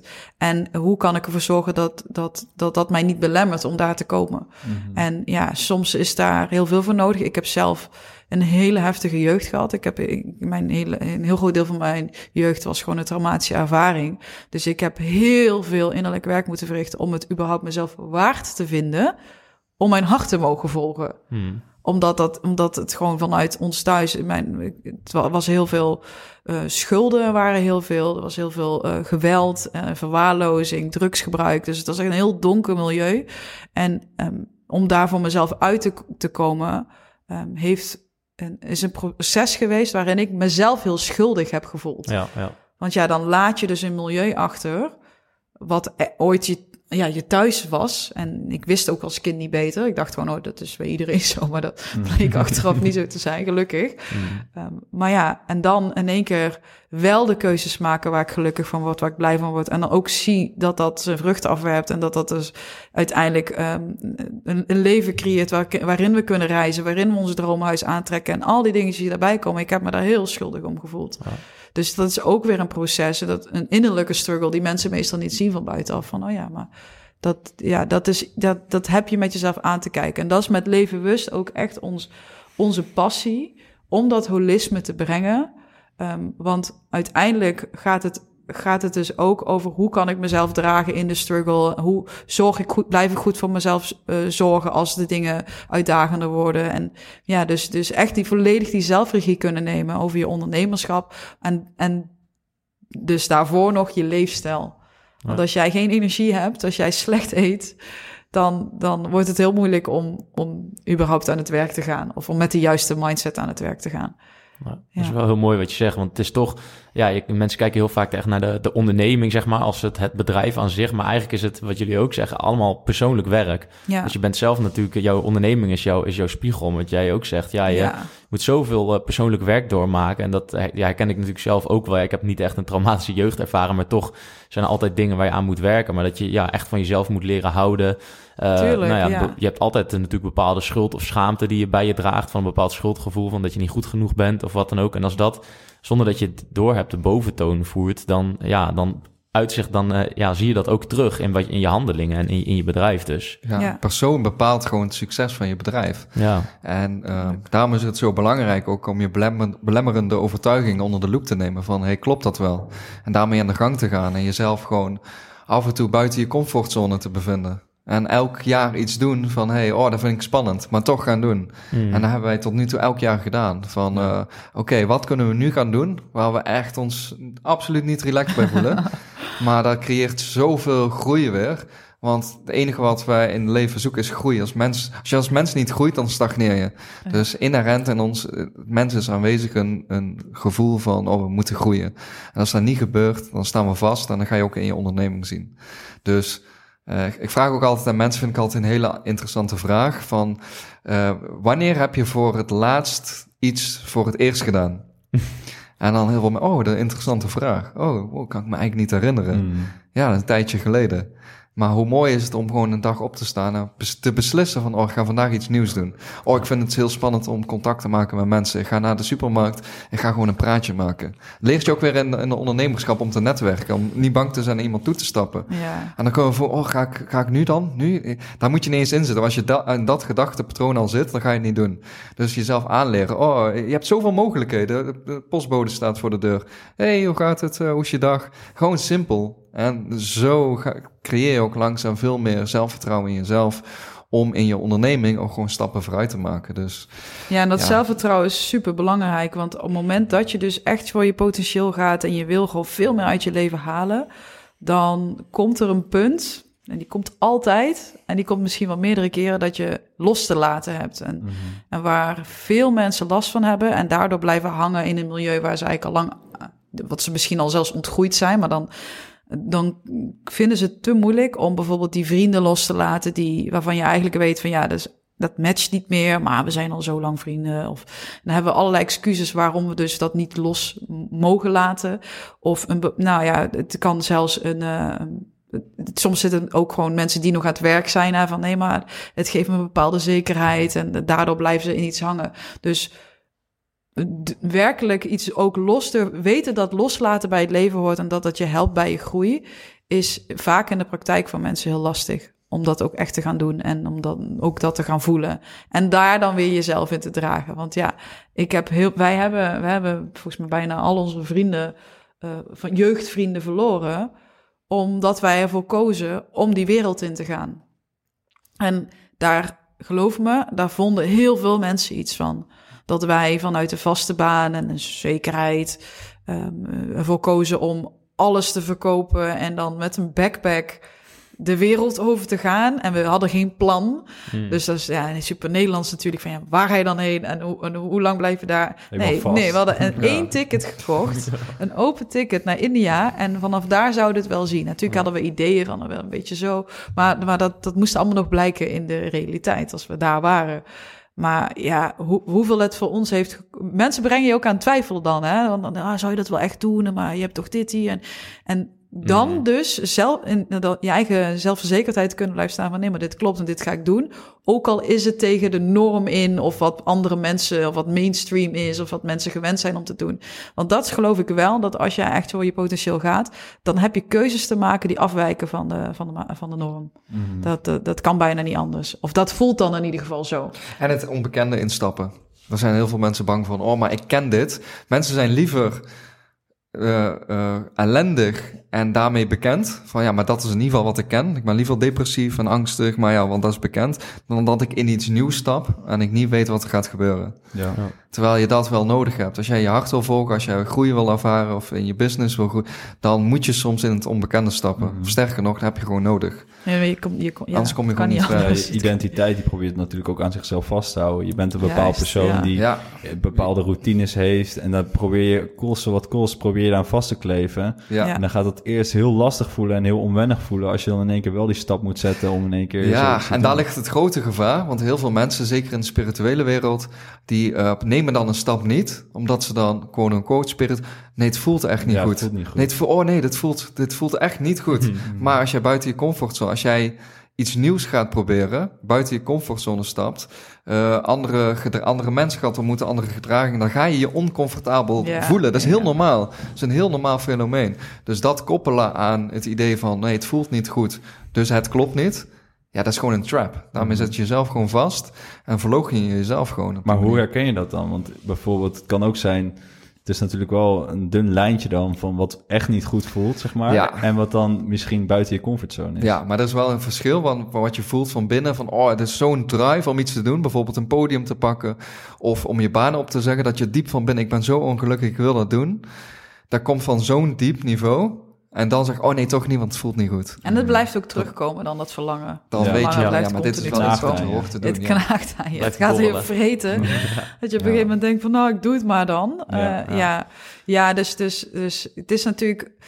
Kijk, op het moment dat we niet aan onszelf werken... dan wordt het ook heel lastig om het onderscheid te kunnen ervaren in onszelf... van wat komt nou echt vanuit mijn ego, wat komt vanuit mijn hart. En dat is ook vaak de vraag, wat komt vanuit mijn hogere Hmm. zelf... en vanuit mijn lagere zelf. Dus je, hebben, je hebt wel echt jezelf te leren kennen... En eh, voor mij is meditatie een, een heel groot onderdeel geweest van mijn pad. Wij hebben meerdere retreats zelf ondergaan. Ik heb een paar keer de Vipassana gedaan. Maar we zijn bijvoorbeeld ook eh, een, een week lang in het donker geweest. Eh, gewoon echt alleen maar donker, duisternis. En daar practices, oefeningen in doen. Om, en dan hoeft het niet zo extreem te zijn natuurlijk. maar waar het om gaat is dat je ook ehm, retreat-periodes in je leven, aan je leven toevoegt. eh, wat vroeger heel normaal was, want er was er niet constant een telefoon of een tv waar je naar kon kijken. Dan zat je veel meer met jezelf in stilte of dat je jezelf aan het vervelen was. En eigenlijk hebben we dat nodig om onszelf beter te leren kennen. Want als we aan het- onszelf aan het vervelen zijn of het is rustig en stil, dan gaan we veel meer luisteren naar onze eigen gedachten. En dat willen veel mensen niet, want dat vinden ze niet fijn, want daar zitten misschien ehm, kri- kritische gedachten tussen. Dus dan gaan ze zich verdoven of afleiden. Maar eigenlijk is het heel goed om daarnaar te kijken, zodat je jezelf leert kennen. En zodat je dus ook, ehm, hoe, hoe meer je in die positie van de observator gaat staan en vanuit de observerende rol naar je gedachten gaat kijken, hoe meer je ook gaat snappen, hé, hey, maar ik ben helemaal mijn gedachten niet. Dus die gedachten die veranderen continu. En ik heb zelfs, ik kan zelfs invloed uitoefenen op wat voor gedachten er komen door nieuwe programma's aan te leren in mijn leven. Eh, positief denken is daar natuurlijk een soort van eerste opstapje in. Ehm, dat je dan realiseert van hé, hey, maar ik merk dat ik veel negatief denk, dus ik kan ook positief gaan denken. En hoe doe ik dat dan? En uiteindelijk open je zo voor jezelf. En ik vind dat heel lastig om te zien, want soms kom ik ondernemers tegen en dan blijkt dat helemaal niet het geval te zijn. Maar in mijn realiteit bestaat dat gewoon bijna niet. Dat, dat je volledig vanuit je hart kunt ondernemen. En ehm, dus daarnaast, parallel daaraan, ook een spiritueel transformatieproces doormaakt. Ik kan, dat niet, ik kan dat niet los van elkaar zien. Als Ja. je het echt vanuit die authenticiteit doet. Want je gaat jezelf leren kennen en dan besef je dus ook van... hey, die, nou ja, als het dan gaat om, om de innerlijke zelfreflectie of de gedachten die je hebt, dat je die kunt sturen en dat je dus daarmee ook kunt zien van, maar wat belemmert mij nou echt in het leven? Want mensen komen continu, vaak als ze niet verder komen, een, een, dezelfde soort patroon tegen. En, en, en dat, is, dat is onze les. En als we die echt aandurven te kijken, en ik zeg altijd, mijn, de reden waarom ik succesvol ben, is omdat ik gewoon continu mijn angst aankijk. En dat voelt ook echt zo. En een angst aankijken is echt, echt gewoon kut. Dat is gewoon niet leuk. Er gebeurt van alles in je lijf. En, nou ja, maar dat zorgt er wel voor om te zien van... oké, maar dit staat dus... Dit, dit, hier geloof ik in en deze angst is een illusie, hè? Maar hier geloof ik blijkbaar zo erg in... dat het ervoor zorgt dat ik niet verder kom in mijn leven. En durf je die dan aan te kijken... en dat te doen wat nodig is om die angst te shiften... naar, naar wat het werkelijk is, een illusie. En dan kun je het doorzien en dan kun je eraan voorbij. Ja. Ja. En volgens mij is dit ook een beetje het ondernemende, eh, het spel van, van ondernemen, groeien en je potentieel tot uiting brengen, is gewoon continu van, hey, ik wil daar naartoe, maar wat staat ertussen om daar te kunnen komen? En Ja, wat kan ik dan doen aan innerlijk werk om dat te kunnen transformeren?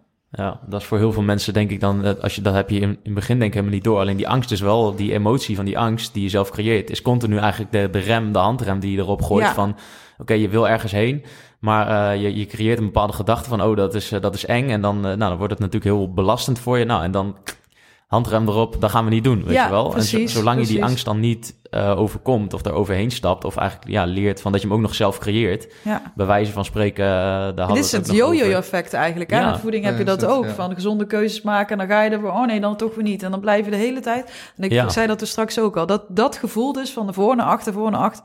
Dat op een gegeven moment werd ik daar zo gek van. Dat ik, de, dat ik moest. Ik, ik, daarom kwam ik op het punt uit van nee, nu blijf ik staan. Want Ja. want, want blijven staan is, is bijna minder pijnlijk dan continu naar voren en naar achter bewegen.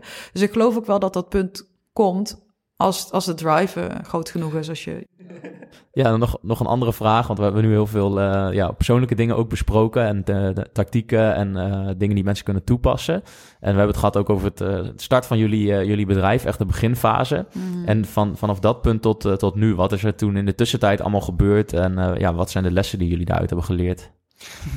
Wauw. Ja, er is veel gebeurd. Heel veel gebeurd. Ja, er is, Fast forward, er is sowieso heel veel gebeurd in, in het jaar dat we zijn, zijn gaan reizen natuurlijk.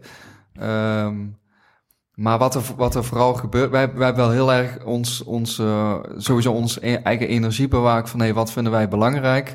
Hoe kunnen wij onze leefstijl blijven hanteren? Hoe eh, kunnen we ervoor zorgen dat het team niet dusdanig groot wordt, dat we daar ook heel veel tijd en werk aan kwijt zijn? Dus het is wel heel, heel, ja, heel de tijd een afstemming geweest van wat vinden wij belangrijk, maar wat heeft ook het bedrijf nodig?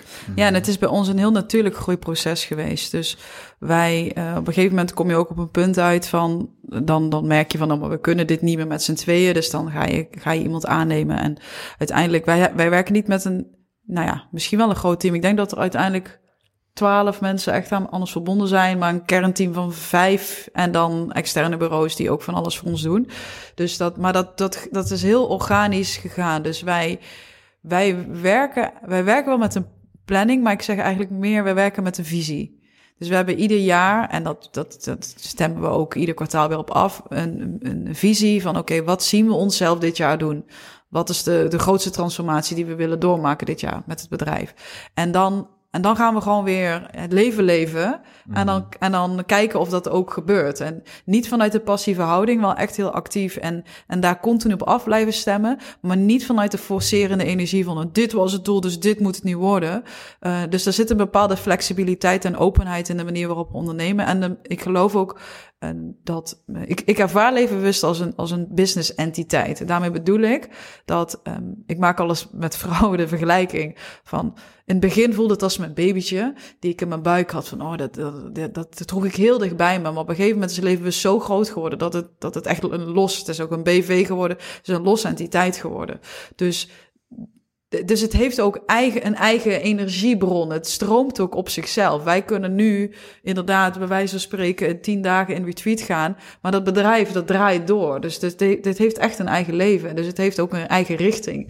Dus het voelt dus ook alsof wij, wij zijn levenbewust. En tegelijkertijd zijn we ook dienend aan de missie die levenbewust draagt. En wat dat nodig heeft. En dat verandert continu. Want ja, in de, in de, in de crisis, de afgelopen twee jaar, tweeënhalf jaar is er heel, zijn er hele andere behoeftes ontstaan vanuit de maatschappij dan daarvoor. Dus wij, wij zijn ook echt een bedrijf voor de maatschappij. Wij, ons hart ligt bij, bij mensen die voor persoonlijke ontwikkeling kiezen, die voor gezondheid kiezen, voor bewustzijn. Dus daarin zijn wij continu een soort van co-creatie van, hé, hey, wat is er nodig hier? Mm-hmm. En um, zo zijn we door de jaren heen dus geworden wat we zijn geworden. We hadden niet van tevoren het idee van... hey, we willen een levenbewust uh, gezondheidsschool ontwikkelen... of we willen producten ontwikkelen. Dat is allemaal... Volgens mij had jij een passie... en ging jij thuis van alles proberen met, met uh, CBD... En toen dachten van, oh, dat is mooi, want, want het werkte en we, we waren zoveel in onderzoek gedoken.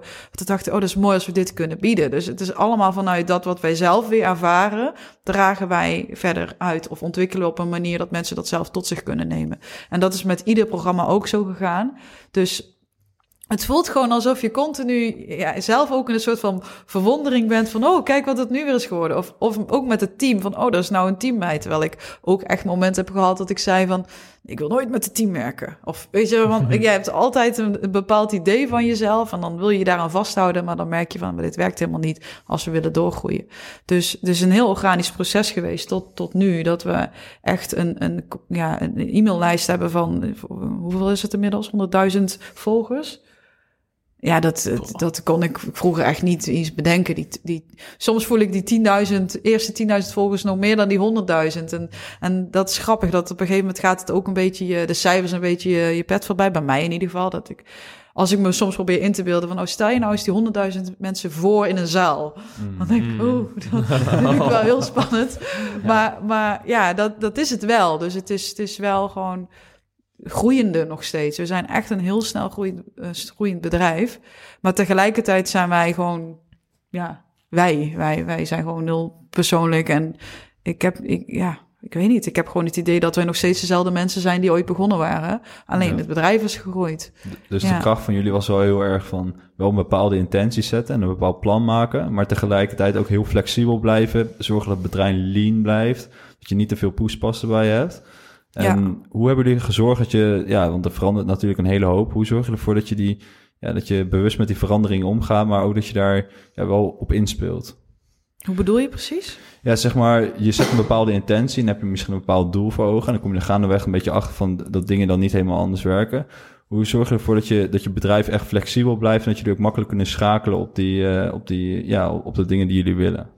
Ja, ik denk dat je je kernwaarden eerst gewoon helder moet hebben. Van wat vind jij belangrijk? Kijk, als jij het interessant en leuk vindt om een kantoor te leiden met 100 man personeel, ja, do you. Mhm. Ja, maar zo zijn wij niet. Wij hebben gewoon elke keer, waar we het straks ook over hadden, van wat, wat zijn onze belangrijkste waarden? En die bewaken wij gewoon heel erg strak. Dus met elke stap van ja, wij kunnen nu eh, bijvoorbeeld eh, een, we hebben een fulfillment center. We hadden bijvoorbeeld ook een eigen pand kunnen hebben met het aantal producten wat we verkopen. Hadden we een eigen loods kunnen afhuren met En eigen zo personeel. zijn we ooit begonnen. En toen kwamen we Ja, achter van, nee, we willen nog meer helemaal- vrij. Ja. Wat Ja. onze vrijheid? Oh ja, fulfillment center. Dus wij, ja, da- daar geeft ons zoveel vrijheid. Van wat ik al zei, wij kunnen nu twee, drie weken gewoon volledig offline gaan, wij zelf. Maar de rest blijft gewoon doorlopen. We hebben content, we hebben producten die besteld worden. Mensen in de school die eh, vragen wat en die opgevangen wordt. worden. En die ja. echt geholpen worden. Dus Ja. alles is gewoon lopend. Dus als je die trein eenmaal lopend hebt, ja, dan heeft het af en toe wat extra kolen nodig. Nou, Mm. Nou ja, en vooral wakker Maar- zijn. Wakker zijn, Aanwezig. bewust blijven van... hé, Ja. wat ben ik aan het doen hier? En niet, niet dus... ehm, ehm, als, je, als, je, als ik aan mezelf ga merken dat ik lijstjes aan het afwerken ben... dan weet ik van, oh, ik ben, ik ben er niet helemaal bij. Mhm. Want op het moment dat we echt vanuit ons bewustzijn onze dag invullen... Dan, dan weten we precies wat klopt en wat niet komt. Want dat voelen we. Dat voelen Ja. we aan onszelf. Dat voelen we in het moment. Ik zeg ook altijd, volg je eh, inspired action. Dus dat is ook een van onze eh, filosofieën misschien wel. En hoe wij ondernemen is geïnspireerde actie volgen. En wat houdt dat in? Is dat als jij... Als jij, we hebben ooit een tijd tijdens het reizen off-grid geleefd. Dat was super mooi. Zij deden dat ook met hun kinderen. Zij lieten hun kinderen gewoon doen wat ze, wat ze leuk vonden om te doen. Waar de energie naartoe bewoog. En als ze daar geen zin meer in hadden, mochten ze daar ook gewoon mee stoppen. En dan mochten ze iets anders doen. Dus dat waren kinderen die, eh, die ook thuisscholing hadden. En die ontwikkelden zich op een hele andere manier. Omdat, ze, omdat dat er was geen vastgezet kader. En zo werkt dat dus ook van de manier waarop wij dus ons pad volgen. Ja. Die inspired action. Er is, ik geloof dat we allemaal een blauwdruk hebben meegekregen. En dat we niet zomaar eh, er zo uitzien. En eh, deze verlangens en gevoelens en karaktereigenschappen hebben. En eh, volgens mij is het tot uiting brengen van je potentieel... is volledig je blauwdruk leven. Mhm. En, en, en als je dus die in, in touch komt met je eigen energielevels. Dus word ik blij van? Ik, ik, heb een, ik moet nu een, een, een blog schrijven. Word ik daar oprecht blij van? Heb ik daar zin in? Of voel ik heel veel weerstand? Natuurlijk is het dan de kunst om ook dat te kunnen ontleden. Hè? Maar even beetje zwart-wit gezegd. Van nou, ik word hier blij van. Nou, dan ga ik dat nu doen. Word ik daar niet blij van? Oh, is er dan iets anders waar mijn energie wel naartoe stroomt waar ik blij van word? Ja. Soms heb ik gewoon een burst van content willen maken. Dan was dat eigenlijk niet mijn planning. Maar ik voel, ik wil dingen delen. En dan ga ik filmpjes opnemen. En dan blijken de beste filmpjes ever te zijn. Omdat ik mijn inspired action volgde. Mhm. Dus die vrijheid en flexibiliteit ook weer kunnen hebben in je werk. In plaats van, nee, maar mijn week ziet er zo uit. En maandag doe ik dat. En donderdag doe ik dat. Wat wel een beetje de normale gang van zaken is volgens mij. Wij zijn daar misschien eh, anders in. We hebben daar een nieuwe stijl in. Of een, gewoon een andere stijl die bij ons past. Maar dat daar, ik merk echt gewoon dat ik daardoor, dat daardoor leven bewust is geworden wat het is. Ja. Vanuit echt ontspanning. Wij, wij, zijn, wij zijn nooit gestrest om wat we moeten doen. Het is natuurlijk wel, we hebben wel stressvolle momenten. Als in één keer blijkt dat Facebook onze hele Facebookpagina heeft verwijderd. Dat hebben we in Bali gehad. Toen werd ik wakker. En toen zag ik dat onze Facebookpagina van 40.000 Hey. volgers jarenlang aan De gewerkt. pagina is niet vindbaar. Ik, Wow. ik maakte Mike wakker, want ik kon echt niet meer wachten. Ik, Mike, eh, eh, ja, de, de, de, de, de pagina is weg. De Facebookpagina is gewoon weg. En dat was het enige wat we op dat moment hadden. We hadden geen Instagram, Nee, we hadden nee, geen YouTube, eh, vol we hadden geen eh, Oh, eh, verschrikkelijk. TikTok, we hadden geen eh, was mailinglijst er wel ook nog nog. niet toen, nee. Maar dat was het enige platform. Dat was, Dus we de website. Facebook, die twee waren, dat was onze Ja. basis. En die communiceerden dan ook met elkaar natuurlijk, dat mensen dan blogs lezen. En, en dat was in één keer was dat weg. nou ja, dan heb je natuurlijk wel stress. Dan heb je wel zoiets van, oh my god, wat moeten we nu doen? En nou, het, het, het was een blessing in disguise. Want het heeft ervoor gezorgd dat de kern van onze volgers terug zijn gekomen en voelbaarder waren dan die 40.000. Dus stelde, volgens mij waren het 10.000 uiteindelijk die ons weer konden vinden. Maar die voelden veel meer aanwezig en, en alive dan die 40.000. Plus we wisten gewoon van oké, wij mogen, diver, wij mogen een omnipresence creëren. Wij mogen op veel meer platformen zitten. En, en ervoor zorgen dat we niet zo afhankelijk zijn van, Ja, van, platform, van het ja. platform. Ja. Dus het heeft ons heel veel gebracht, maar dat was wel heel stressvol. Dus dat zit er wel bij.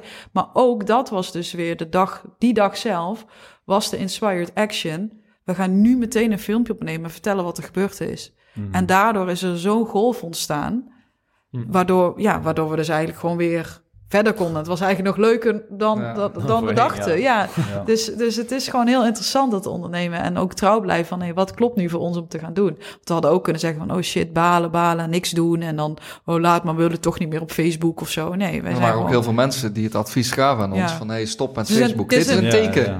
Dit is echt een teken dat je mag stoppen met Facebook. En ik voelde van nee, nee, ik wilde, ik wilde een video gaan delen, direct gewoon opnieuw gaan starten. Ja. En uitleggen van hey, dit is er gaande, dit is wat er gebeurt in de wereld van censuur op wereldtoneel. Ja. En, en die boodschap is gewoon viraal gegaan. Ja. En die Facebook, nieuwe Facebookpagina is gewoon nou, in mum van tijd gewoon weer groot geworden. Mhm. Dus, en, en, en puur omdat ik naar mezelf luisterde. En niet van wat eh, dan de experts zeiden van, oh ja, je moet stoppen, het is een teken, dan ga iets anders doen. Nee, ik Ja. voel dat ik, ik voelde zo'n energieburst van, oh, ik ga dit delen met de wereld. En, ja, en dat kun je dus niet altijd verklaren. Nee. De- maar, en, en je weet ook niet altijd wat eruit gaat komen als je dat volgt. Maar je mag er wel op vertrouwen, want something is backing you up. Het is gewoon, ja, weet je, we, we leven, het leven leeft ons. En ik zeg ook altijd, je hebt zeg maar vanuit het spiritueel ontwikkelingsmodel, een heel simpel model, heb je de vier fases. De fase van het slachtoffer en dan heb je het gevoel van het leven over, overkomt me, ik ben een speelbaan van het leven, ik heb daar zelf geen invloed op. Dan kom je in een fase van de manifester en dan heb je het idee van, hé, hey, maar ik kan het leven wel, eh, ik kan het stuur in handen nemen. Ik kan, eh, het leven gebeurt door mij, want ik, ik maak deze beslissing en daardoor gebeurt dat. En dan heb je de volgende fase. En ik geloof dat we veel meer vanuit die laag nu aan het ondernemer zijn, is de channeling phase. En dan beweegt het leven door je heen. Dus dan heb je het gevoel alsof je, alsof het dus inderdaad een blauwdruk is, of een hoger bewustzijn, of geef het een naam. Iedereen heeft daar een ander soort beleving bij. Wat, wat jou aan het leiden is en wat, en, en wat jou ook ondersteunt en de energie geeft om te kunnen doen wat je wil doen of waarvoor je gekomen bent. En dat is een hele andere manier van ondernemen. Dat is veel ehm, ehm, zachter of zo bijna. Het is veel, veel meer in afstemming met, met, met, met jezelf, met je omgeving, met wat er werkelijk nodig is in de maatschappij. In plaats van ik wil nou gewoon zoveel mogelijk geld verdienen en dat doe ik op die manier. Dan heb ik dropshipping en die producten en that- that's it. Dat mag wel en ik bedoel, het is leuk, maar op lange termijn ga je waarschijnlijk merken dat je misschien nog een stukje bezieling mist. Ja. En voor veel mensen klinkt dat soms een beetje wazig, hè? Van, oh, het leven beweegt dan door mij heen, wat bedoel je dan? Maar iedereen kan daar zich aan relateren. Als je bijvoorbeeld iets gaat schilderen, een schilder, en die beweegt, en die zal je ook vertellen van, ja, de, I don't know. Ik, ik was er niet. Je hebt heel erg het gevoel dat... In flow, De dus de flow staat. die het, inderdaad ja. de flow staat, om het nog nuchterder om te Maar je ziet omschrijven. inderdaad bij heel veel mensen ook terug. Want ik bedoel, wij hebben ook heel veel ondernemers die zeggen eigenlijk precies hetzelfde, maar dan net wat andere termen. Die zeggen Ja. van eerst voelt het echt als een struggle. En op een gegeven moment kom je op een fase, dan komt het vanuit souplesse. En dan Ja, kom je ja, er ja. eigenlijk achter dat je hetzelfde kan doen, Ja. maar dan vanuit rust en souplesse. Ja, en dan bereik je inderdaad die staat van flow. Dus eigenlijk gewoon ja, precies hetzelfde, maar dan net wat andere termen. Ja, Ja, ja, zeker. precies. Ja. Ik denk dat het uiteindelijk ook gewoon daarop neerkomt. Als we in ieder geval voor dat pad gaan van, van het hart en je potentieel tot uiting brengen. En, en ehm, echt iets doen wat voor ons een van onze waarden is integriteit ook. Wij, wij Leven is natuurlijk ontstaan omdat wij zagen hoe er met, de, met mensen wordt omgegaan in de voedingsindustrie, farmaceutische industrie. En dat we allemaal ziek worden gehouden en, en ook een, ja, een soort van klein worden gehouden. Dus voor ons zit daar ook een heel belangrijk onderdeel en waarde in van integriteit. Van ook echt continu, ook onze eigen keuzes en onze beslissingen. Welke producten, welke samenwerking gaan we wel of niet aan? Klopt dat met, met onze missie en met waar we voor staan? Want ik geloof oprecht dat als wij overal ja tegen hadden gezegd, dat wij nu al veel groter waren geweest. Dat we nu al veel rijker waren geweest financieel. Maar dat is niet de drijfveer. Want de drijfveer is om echt een verschil te brengen in de maatschappij en in de mens zelf. Eigenlijk niet eens, ja, wij zijn de maatschappij, maar echt in de, in de mens zelf. Dat wij weten van, hé, hey, wij kunnen zelf regie nemen en ons bewustzijn vergroten. Ja, ja precies. Ja. Ja, dat is wel heel mooi. Dus eigenlijk jij ook heel erg luisteren naar wat het leven van je vraagt en dat gewoon dat doen. Ja. Mooi, ja, Ja. ja, ja. Mhm. Ja, dat is gewoon heel erg En dan niet vanuit het stemmetje van het ego, hè? Nee, Eh, precies. de ego vraagt dit van mij, dus dan... eh, Ja. nee. Ja, er is ook een eh, Amerikaanse kerel, Robert Kiyosaki, die zit meer heel veel met geld bezig gaan investeren. Maar die, zei, die noemt dat dan van, ja, what does God want dan? ja. Dus ja, Nou, en dat is Ja. dus heel mooi ook. Dat het dus helemaal niks zegt over hoe het er in de vorm uitziet. Maar, Dus het kan zijn dat jij helemaal fan bent van geld en multimiljonair wil worden. ja. Vanuit diezelfde bezieling en belichaming. En dat de ander denkt van nee, ik wil gewoon eh, in een jeugd leven en vanuit mijn jeugd eh, één op één sessies doen en dat heel klein houden. Ja. Dat kan vanuit precies dezelfde bezieling komen. Want we hebben wel eens het idee, zeker in het spiritueel milieu, dat het dan op een bepaalde manier eruit moet zien. Nou, dat, dat, zo, ja, zo werkt dat helemaal niet. Ja. De vorm kan, het kan alle vormen aannemen. Ja, dat is dan ook vaak weer een beetje de aanname of een beetje de lading die erop hangt van, ja, als het dan spiritueel en echt is, dan eh, mag er ook bijna geen geld mee worden Nee, verdiend, weet je wel. Want dat is dan weer, Dan mag je heel veel dingen niet. Dan mag je, Ja. dan mag, dan mag je geen make-up dragen. als Alsof het- het is bijna een Dan is het religie? Ja, weer, ja, ja, eh, ja. ja. Het is eigenlijk Ja. de religie in de spiritualiteit. En ik denk dat het zijn oorsprong heeft in, eh, in het christendom misschien wel. Van het Mhm. idee van dat je moet lijden om andere mensen te, Te kunnen dienen. dienen. ja. Dus jij moet lijden. Calvinistisch. En dan eh, kun je pas ja. andere mensen dienen. Ja. En, Mm. en vaak zie je dat ook in, in je, in- tenminste als je in een verkeerde vriendenkring zit. Mensen eh, vinden het super erg voor je als er van alles aan de hand is en zijn, staan ze voor je klaar. Maar op het moment dat het echt goed met je gaat, zijn ze nergens te vinden, hoor je Nee. niks, want dan ben je te grote Dan spiegel. worden ze, ja, dan Ja. wordt het uh, Maar mensen, mensen halen gewoon de energie bij je weg en genieten bijna van jouw misery. En op het moment dat jij succes hebt, is dat een te grote spiegel. Ja. Van, oh, ik Ja. wil dan wel dat het goed met je gaat, maar niet te goed. niet zo goed. Ga nou Oh, niet, de- zorg dat het niet te goed wordt, want Ja. dan ben je te confronterend voor mij. ja, dan, precies dat. Dan Ja. zien ze in één keer bij jou van, oh, het lukt kan Ja. allemaal wel. En dan gaan ze Ja. bij zichzelf twijfelen. En dan Ja. wordt het allemaal heel ongemakkelijk Ja. in één keer van ja, en dat is dan het loslaatproces. Van Ja. oké, dit, dit, Mhm. dit, dit, dit werkt niet meer samen. En ik denk zelf dat het bij vrouwen misschien soms nog wel erger kan zijn. Die kunnen elkaar misschien in de winkel aankijken en een mooie jurk zien. Oh, die is echt niet mooi. Ja, ja. Nee, Ja, die, dat zou is ik, zo- die, die zou ik niet kopen. Sowieso. Bam, die ziet er goed uit. Ja. Dat is wel vaker, denk ik. Tenminste, heb ik wel het gevoel dat bij vrouwen ook wel... Die, die hebben ook echt, echt heel, wel vaker iets vaak van... eh, ja, oh, die, die mag ik echt niet, weet je wel. Die haat ik echt, weet je wel. Ja. Die kunnen dan Ja. best wel Ja, Ja, meer emoties. oordelen eh, hebben over ja, andere vrouwen ja, ook. Ik denk van, oké, weet je wel, waar, waar Ja. komt dit vandaan? Ja. Ja. mannen kunnen dat natuurlijk net zo goed hebben, maar ja, dat is Ja. af en toe wel... eh, Ja. Het kan gelukkig anders. Ja, het Ja. kan. Ja, het is. Ik heb daar zelf best wel een, een heel proces in meegemaakt van inderdaad dat soort vriendinnen om me heen hebben en dan merken van, maar dit, het hoeft toch helemaal niet zo, want ik, ik, ik kan daar helemaal niks mee. Ik hou niet van roddelen of over anderen praten. Ik vind het leven ook veel te interessant in wat we nu kunnen creëren dan dat ik me bezighoud met dat soort dingen. mm. Maar, maar ehm, ja, ik mocht daar wel heel veel van loslaten in vriendschappen, wat heel moeilijk was. Omdat je dan vaak even in zo'n gap komt, in zo'n gat van... ja, misschien wel geen vrienden hebben of weinig... waar je echt die connectie nog mee voelt. En daar dan trouw aan blijven van... oké, maar dit is het nu en, het zal me brengen naar iets anders. En dan komen er altijd wel weer de mensen op je pad... waarbij je wel die gelijkgestemdheid of resonantie voelt. Van, hé, hey, ah, eindelijk iemand die me begrijpt... waarbij ik me niet hoef te verdedigen... waarbij ik kan creëren, waarbij je elkaar echt eh uplift en, en bekrachtigt. Dat, is, dat kan allemaal wel, alleen als het op dit moment nog niet in je leven aanwezig is... dan vraagt dat vaak gewoon eerst een, een vorm van assertiviteit en, Ja. en, en loslaten en nee zeggen, zodat er ook een deur. eh, Er moet eerst een deur dicht gaan voordat een nieuwe deur open ja kan gaan. zeker. Dus ja, dat hoort er wel bij. Ja. Ik denk dat je inderdaad ook beter alleen kan zijn dan in slecht gezelschap. Want als je gewoon Ja. in slecht gezelschap, dat trekt je ook naar beneden en dat houdt je ook vast. kost veel ja, energie. het kost heel veel energie. Ja, ja. En terwijl je de energie ook kan gebruiken om te groeien. En dan kom je vanzelf, denk ik, wel mensen tegen die ook op dat pad zitten. Want dat Ja. zie je eigenlijk met, alle, met alles zo, ook bij ons zo. Je komt elkaar gewoon tegen omdat je zelf de passies hebt en je gaat daarnaar leven. En op een gegeven moment dan klikt dat en dan, dan groeit dat samen. En dan ja, denk ik dat je daar, dat dat iets is wat je natuurlijk moet aanleren. Omdat het natuurlijk soms lastig kan zijn als je alleen bent. Maar ja, op een gegeven moment groei je daar gewoon in en dan voel je aan dat je dat los kan laten. En dan komt het vanzelf vaak wel goed. Ja, ik denk dat je ook gewoon in staat moet zijn om banden te verbreken met mensen die je gewoon niet meer dienen. Eh, wat heel vaak gebeurt is dat mensen een, een eh, consistentie verwarren met authenticiteit. Dus bijvoorbeeld, wij zijn al twintig jaar vrienden van elkaar. Mhm. Dan heb ik het idee van dat, dat moet ik dan vasthouden, want dat is dan authentiek. Nee, ik moet authentiek blijven, dus wij blijven vrienden van elkaar. Ja. Maar dat heeft niks met authenticiteit te maken. Authenticiteit is juist wanneer ik voel van hé, we zitten op een hele andere laag, hele andere fase van ons leven. Eh, het is denk ik tijd om elkaar los te gaan laten. Mhm. En vaak wordt dus consistentie, het vasthouden van de vriendschap, gezien als authenticiteit. Ja. Maar dat is dus helemaal niet. Authenticiteit kun je alleen maar naar jezelf tonen. En als iets niet meer resoneert en het groeit niet meer en het klopt niet meer, om dan ook de keuze te maken van hé, hey, ik, ik ga een ander pad op, ik ga een ander pad bewandelen.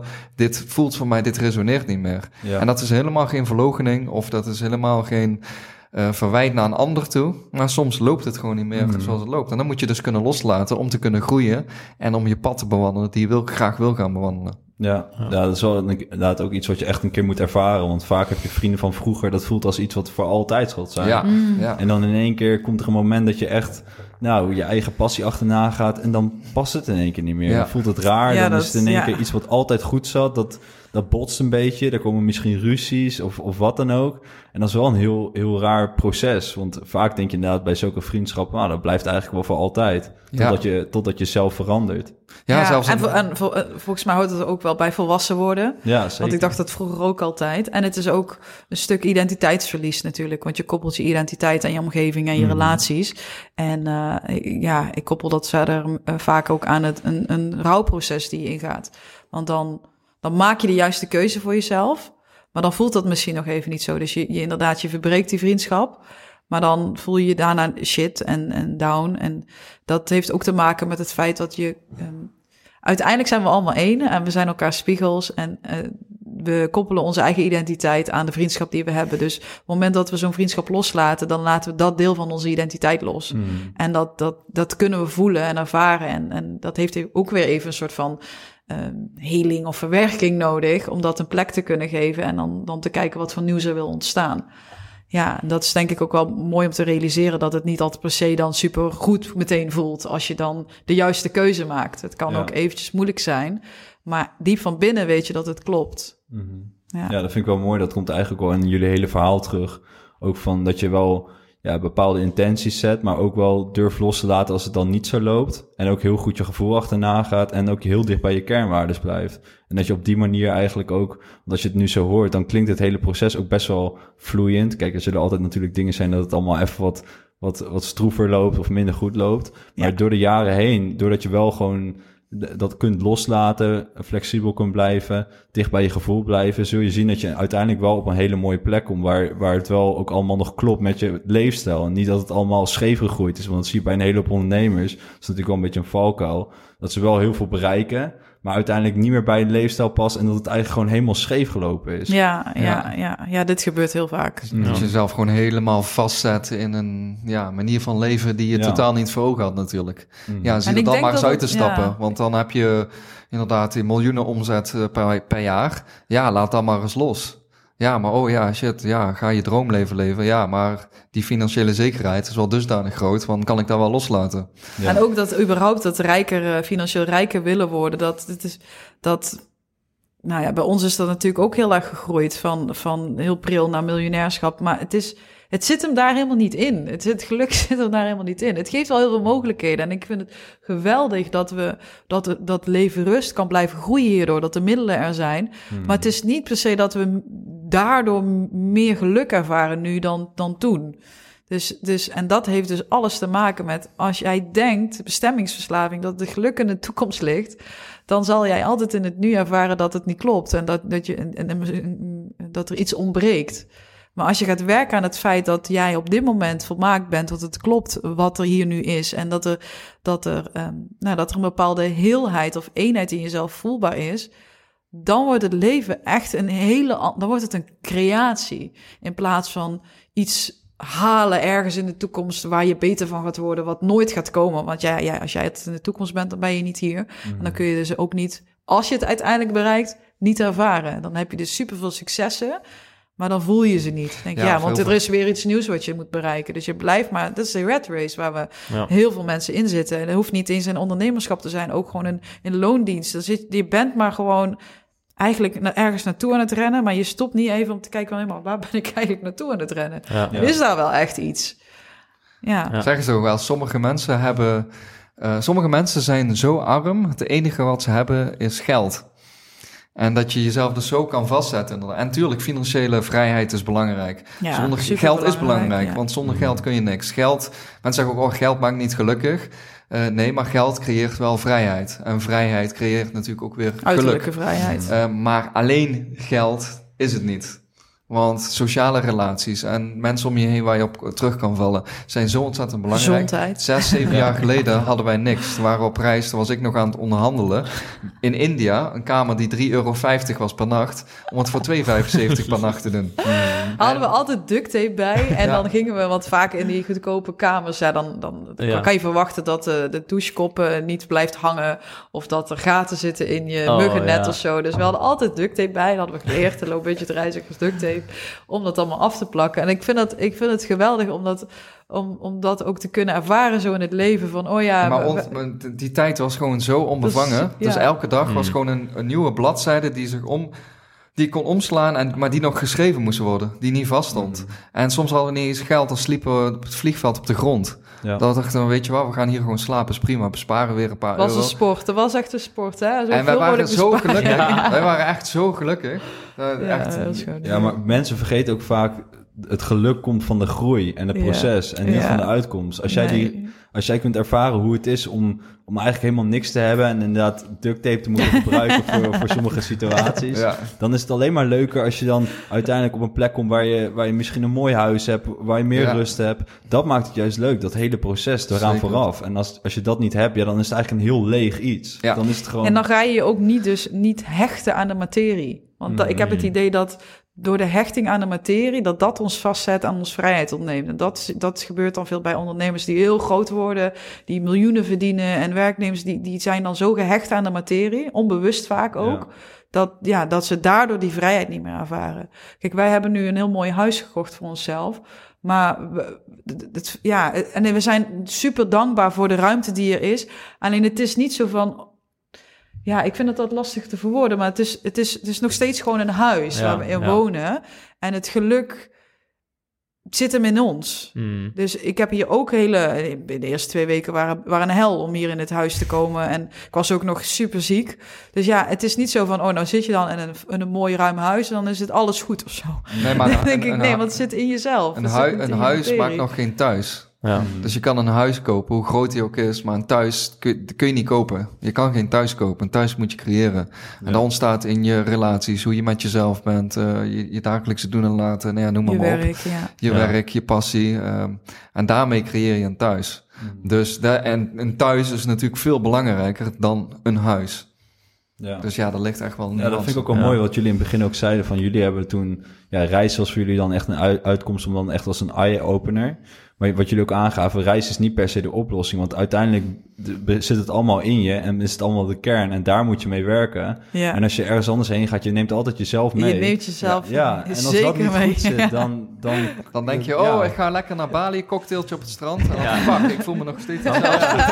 En als je dat dan dus voelt, dan heb je een nog grotere confrontatie. Want dan, fuck, ik dacht dus, als ik dit zou doen, dat ik me Mm. beter zou voelen. En ik voel me nog steeds Maar daarom is het wel goed om het te doen. Ja, om erachter er te komen achter. dat het hem Ja, niet is. ja, 100%. Ja, ja. Ja. Dat, is echt, dat is wel het hele aparte. En het helpt wel. Ik geloof wel dat je gewoon met je... ik, zou, ik zou willen dat veel meer mensen flexibeler zijn... in welke omgevingen ze uitkiezen. Ja, Want stel je nou eens voor dat je denkt... ik wil een boek schrijven. En, en dan, dan zou ik vragen van... Waar, waar zie je jezelf dat schrijven? Misschien is dat een hele andere omgeving dan bij jezelf thuis. Nou, wij doen dat met ons, met ons leven ook... en met ons werk ook. Van nee, dan gaan we naar... Chiang Mai is bijvoorbeeld echt... als je wil bouwen aan je business... nou dan die energie in Chiang Mai... die, die helpt je daar wel bij. Want het is het allemaal ondernemers... en dat, dat, dat helpt je. Maar als je voelt van... nee, maar ik wil juist vanuit een bepaalde rust... inderdaad een boek schrijven... nou dan zou je bijvoorbeeld veel meer naar een, een eiland gaan... waar het ook echt kalm is en waar de natuur is. Dus ik, ik geloof wel dat je met je omgeving... op die manier mag werken... maar niks buiten jezelf is de oplossing... voor Ja. wat je in jezelf ervaart. Ja. Ik denk dat gewoon innerlijk geluk, rust en kalmte gewoon het allerbelangrijkste is. Want er zijn ook wel eens mensen die dan roepen van... oh ja, geld is dan... eh, je zegt geld is niet belangrijk... maar ik haal liever in een Ferrari dan in een eh, Opel Astra. Denk van ja, mensen die, standaard zin is. mensen, die, Ja, ja, ja. mensen die dat zeggen... die snappen het leven gewoon echt niet. Nee. Want uh, we hebben totaal geen idee wat depressiviteit inhoudt. Hmm. En wat, wat, eh, wat, wat pijn en rouw en verdriet en verlating, nou ja, noem maar, maar op, wat dat inhoudt. Innerlijke rust en innerlijke eh, vrijheid de- is het grootste geschenk wat je kunt hebben. En dan, eh, dat maakt het niet uit of je in een hut slaapt of in een miljoenenvilla. Dat, ja, daar gaat het uiteindelijk om. Uiteindelijk willen we ons allemaal gelukkig van binnen voelen. En dan maakt het dat uiterlijk er niet eens uit. Want als jij gelukkig kan zijn in een tent en niet gelukkig in een villa, ja, waar kies je dan voor? Ja. Ja. ja, dat is heel mooi. Dat is denk ik ook wel de essentie ook voor wat, wat wij doen en wat we heel veel terug horen in de gesprekken. Dus ga ja, echt naar binnen gaan keren en kijken naar de kern. Want we zijn zoveel bezig met de buitenkant. Dus materialisme is dus natuurlijk ook aan, op een bepaalde manier is dat ook buitenkant. En we zijn zoveel Mhm. bezig met de buitenkant impulsen van buitenaf. eh ja, maar zelf maar bezighouden, afleiden. Alleen alles zit, alles zit binnen in jezelf. Je moet Ja, in en jezelf ook hoe we zoeken. eruit zien of hoe we overkomen. Ja, precies. Ook, ook buitenkant, ook die maskers. Ja, terwijl dat eigenlijk van binnenuit komt. Jouw zelfwaarde, jouw zelfbeeld. Als je daaraan gaat werken, ja, dan verandert het niet heel veel hoe je eruit ziet. Maar wel 100% hoe je je voelt. En dan kun je wel die eh, innerlijke rust en die liefde ervaren. En dat, Ja. dat is hetgeen waar je aan wil werken. Alleen heel vaak gaan we aan die buitenste schil werken.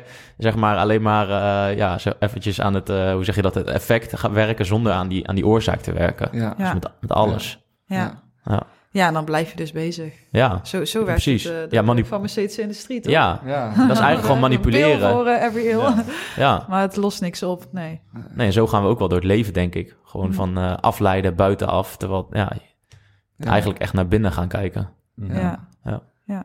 Ik vind Nou ja, of, of dus gewoon als je denkt van ja, maar ik, ja, dat vind ik allemaal lastig. Mm. Gewoon echt gaan doen wat je, wat, je, wat je het allerleukst vindt om te doen. In ieder moment. Dus niet meteen denken, oh dan moet ik hem inderdaad mijn baan opzeggen. Nee, maar gewoon vandaag. Wat, wil- wat, wat, follow your highest excitement. Ja.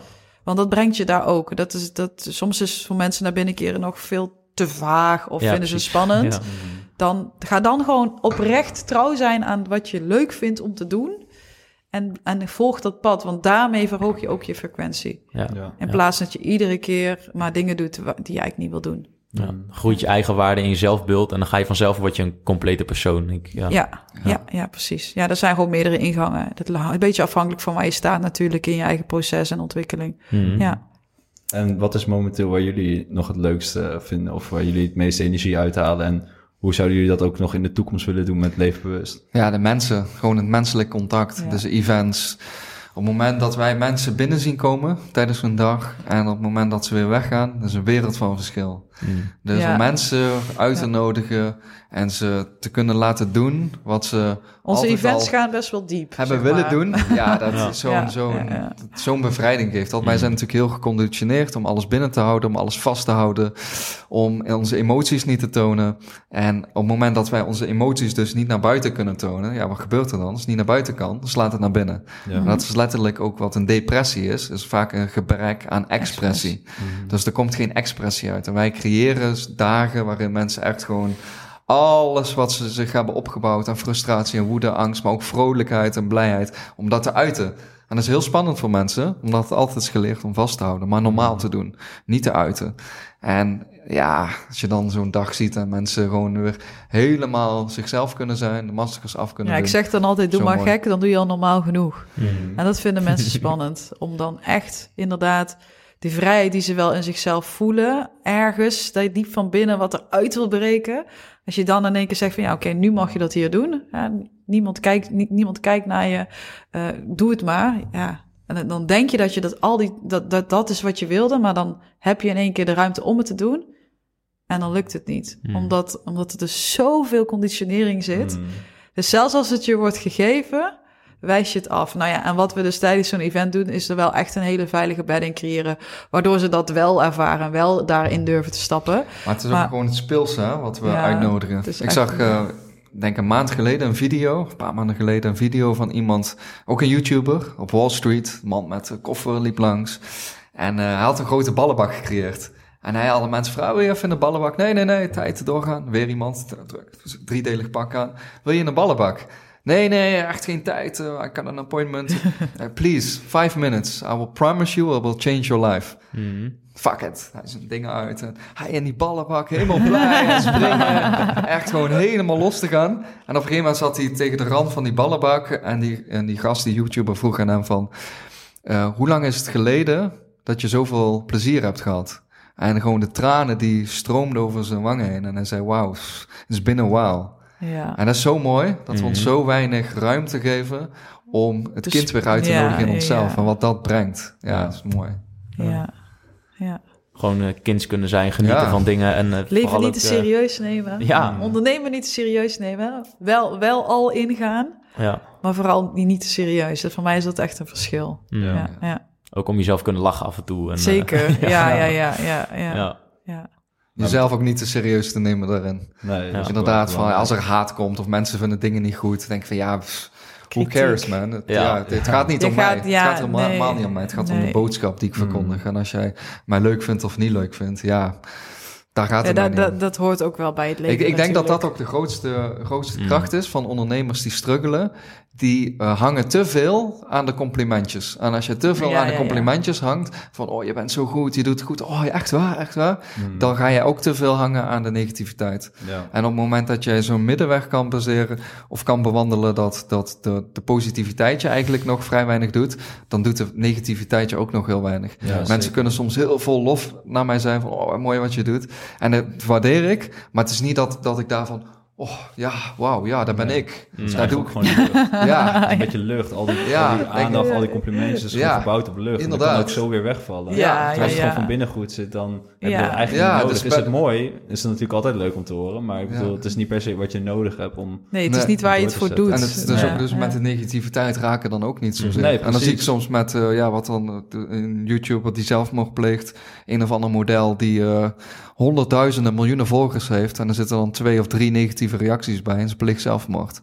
Ik denk van wauw, dus we hangen zoveel gewicht aan negativiteit. Ja. Terwijl ik denk van ja, maar kijk, kijk naar wat, wat, je, wat je gecreëerd hebt. Kijk hoeveel mensen je bereikt. Al zou je maar één iemand op een positieve manier bereiken op een dag, dan, dan, dan is je missie al geslaagd, bij wijze van. Ja. Dus ja, laat je niet leiden door, door, door negativiteit of wat dan ook. Want dit is gewoon echt niet waard. Mm. Nee.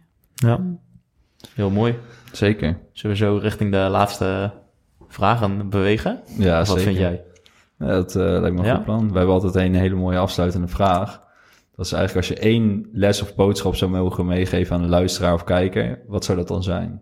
Dus nu hebben we twee van jullie allebei. Ja, Ja, ja, dat, ja, eh, Eén les of boodschap voor de, voor de luisteraar. ja, om of jullie belangrijkste les die jullie door de jaren heen hebben geleerd, die eigenlijk in alles terugkomt misschien. Ja, eh, volgens mij heb ik hem net al verteld. Dat je dat je je echt niet moet, of niet hoeft te laten leiden door negativiteit in je omgeving. Dat als jij voelt dat je een bepaalde missie hebt uit te dragen, dat je, eh, dat je jezelf uit de weg gaat. Dat je niet vanuit het idee van, oh, ik heb iets hoog te houden. Ik als persoon, ik als Mike, heb iets hoog te houden, want dadelijk doorzien ze me of wat dan ook. Nee, het gaat niet meer om mij. Het gaat om de boodschap die je hebt te verkondigen, waarvan je voelt diep van binnen, wauw, dit heb ik aan de wereld te vertellen.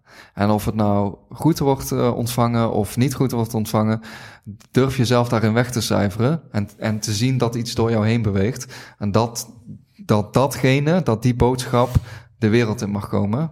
En eh, ja, jezelf niet laat mee te nemen in de, in de negativiteit.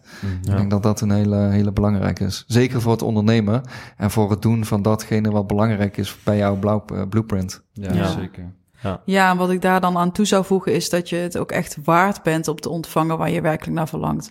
Want heel veel mensen durven daar dus niet voor te gaan, omdat ze het zichzelf niet waard vinden. Mm. En ja, aanvullend op wat je eigenlijk zegt, is dat heel belangrijk. Dat je, ehm, we, we zitten dan snel in een gevende positie. Maar als we niet werkelijk kunnen ontvangen, en dat heeft met die waardigheid te maken, dan, dan, dan kunnen we ook niet tot een gezond balans komen. Dus waardigheid gaat voor mij over het werkelijk openstaan om te ontvangen wat jou toe mag komen, wat in lijn is met jouw verlangens. En of dat nou betekent eh, dat je eh, heel veel klanten wil of aantrekken, of heel veel geld wil verdienen, of de wereld over wil reizen, of gewoon een, een fijn huis wil aantrekken. Ehm, die waardigheid, daar begint het mee, dat je het jezelf echt waard vindt om daarvoor te gaan en eh, dat te ontvangen. Ja. Ja. Ja. Ja. Ja. dat vind ik wel een hele mooie, hele mooie afsluiter. Ja, Echt, eh, ja, hele, hele mooie boodschap. Ik denk dat, dat dat voor iedereen ook het proces is wat je doormaakt als ondernemer, als persoon, als je daarmee aan de gang gaat. En dan ja. zul je merken dat dat dingen, denk ik, inderdaad wel echt de belangrijke dingen zijn. Dus eh, Ja. jezelf, of eigenlijk je ego, een beetje aan de kant durven zetten van het gezichtsverlies, wat je misschien wellicht wel kan leiden ja. op het moment dat je echt je hart gaat volgen. Ja. En dat gewoon eh, daar niet meer naar te kijken. Ja, gewoon mensen te zullen doen. altijd iets vinden. Ja, Ja, het ongeacht. zit ook wel een beetje in het aard van het beestje. ja, ja. Mensen vinden altijd wel wat, dus ja, let it be. Want eh, weet je wat het ook is? Dat zijn inspirerende woorden. Oh ja, daar misschien mee af te sluiten. Mijn meest inspirerende woorden, Mhm. en die ik ook vaak mee wil geven, is... Je gaat dood. Mm. Mm. Je gaat dood. Hoeveel 50 tot 100 jaar, zeker Iedereen 100 jaar. Misschien, misschien, Besta jij misschien niet meer. morgen al. Dus Eh, who cares, Dat is weet wat je we niet realiseren. Ja, Ja. Weet doen. je, dus het zou heel bijzonder zijn als we inderdaad die 50 of 100 jaar eh, krijgen. Want dat weten we helemaal Ja, niet. je Weet gaat je? dood. We gaan allemaal Leven dood. niet voor lief nemen. Dus ga gewoon en het feit je- dat we kunnen creëren in het leven niet voor lief nemen. Want Ja, het is niet ja. zo vanzelfsprekend. Mm. Ja. En als, je, als we werkelijk zo kunnen leven dat we ons beseffen, ieder moment weer dat we, dat we doodgaan. En dat we dus principe morgen al dood kunnen gaan. Dan ga je je dag echt anders invullen. Ja, Ja, dan komt er wel veel meer dan eh heb je niks te verliezen, want je weet uiteindelijk zul je gewoon leeg sterven. Ja. En dan, ja, en je eh, gaat echt de kostbaarheid van het leven Het waarderen. enige wat je Ja. achterlaat is gewoon je legacy. Dus inderdaad wat je voor andere mensen hebt betekend. mm. Dat is iets wat altijd blijft. En dat blijft zich als een rimpel-effect, blijft zich dat, eh, eh, blijft dat doorlopen. Ja. Want wat jij voor iemand anders hebt betekend, kan ook weer doorgegeven worden aan de kinderen. Nou ja, et cetera, et cetera, et cetera. Mm. Dus dat is de legacy die je achterlaat. Dus wat wil je achterlaten voor anderen? Ja. Hele mooie afsluiting. Heel mooi. Ja, daar gaan we mee afsluiten. Ik denk dat we nog wel eh, twee uur door kunnen Ja, praten. dat denk ik ook wel. Dus, eh, ja. nou, we willen jullie in ieder geval echt bedanken voor de tijd die jullie genomen hebben en het, eh, het open verhaal ook over jullie eh, onderneming. Ik denk dat het heel veel mensen inspireert en dat het ook een mooie insight is in, in jullie leven en hoe jullie eh, erin staan. Ja, En eh, ja, bedankt Ja. Voor, de, voor de tijd en de openheid.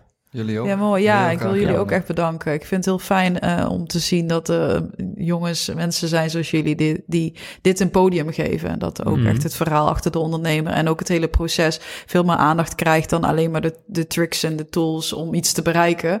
Ja. Ja. Ja. want het is gewoon zoveel meer dan dat. Dus dank je wel voor de uitnodiging ook. Ja, Ja, hartstikke Ja. bedankt. Ja. ja graag gedaan. Dan eh, willen we als laatste de luisteraars bedanken en de kijkers bedanken voor het, eh, voor het kijken en luisteren naar de aflevering. En eh, nou, vind je het tof? Deel het even met je vrienden. Eh, like ons en eh, volg ons ook op eh, YouTube of andere kanalen. En eh, we zien je graag in de volgende aflevering weer terug.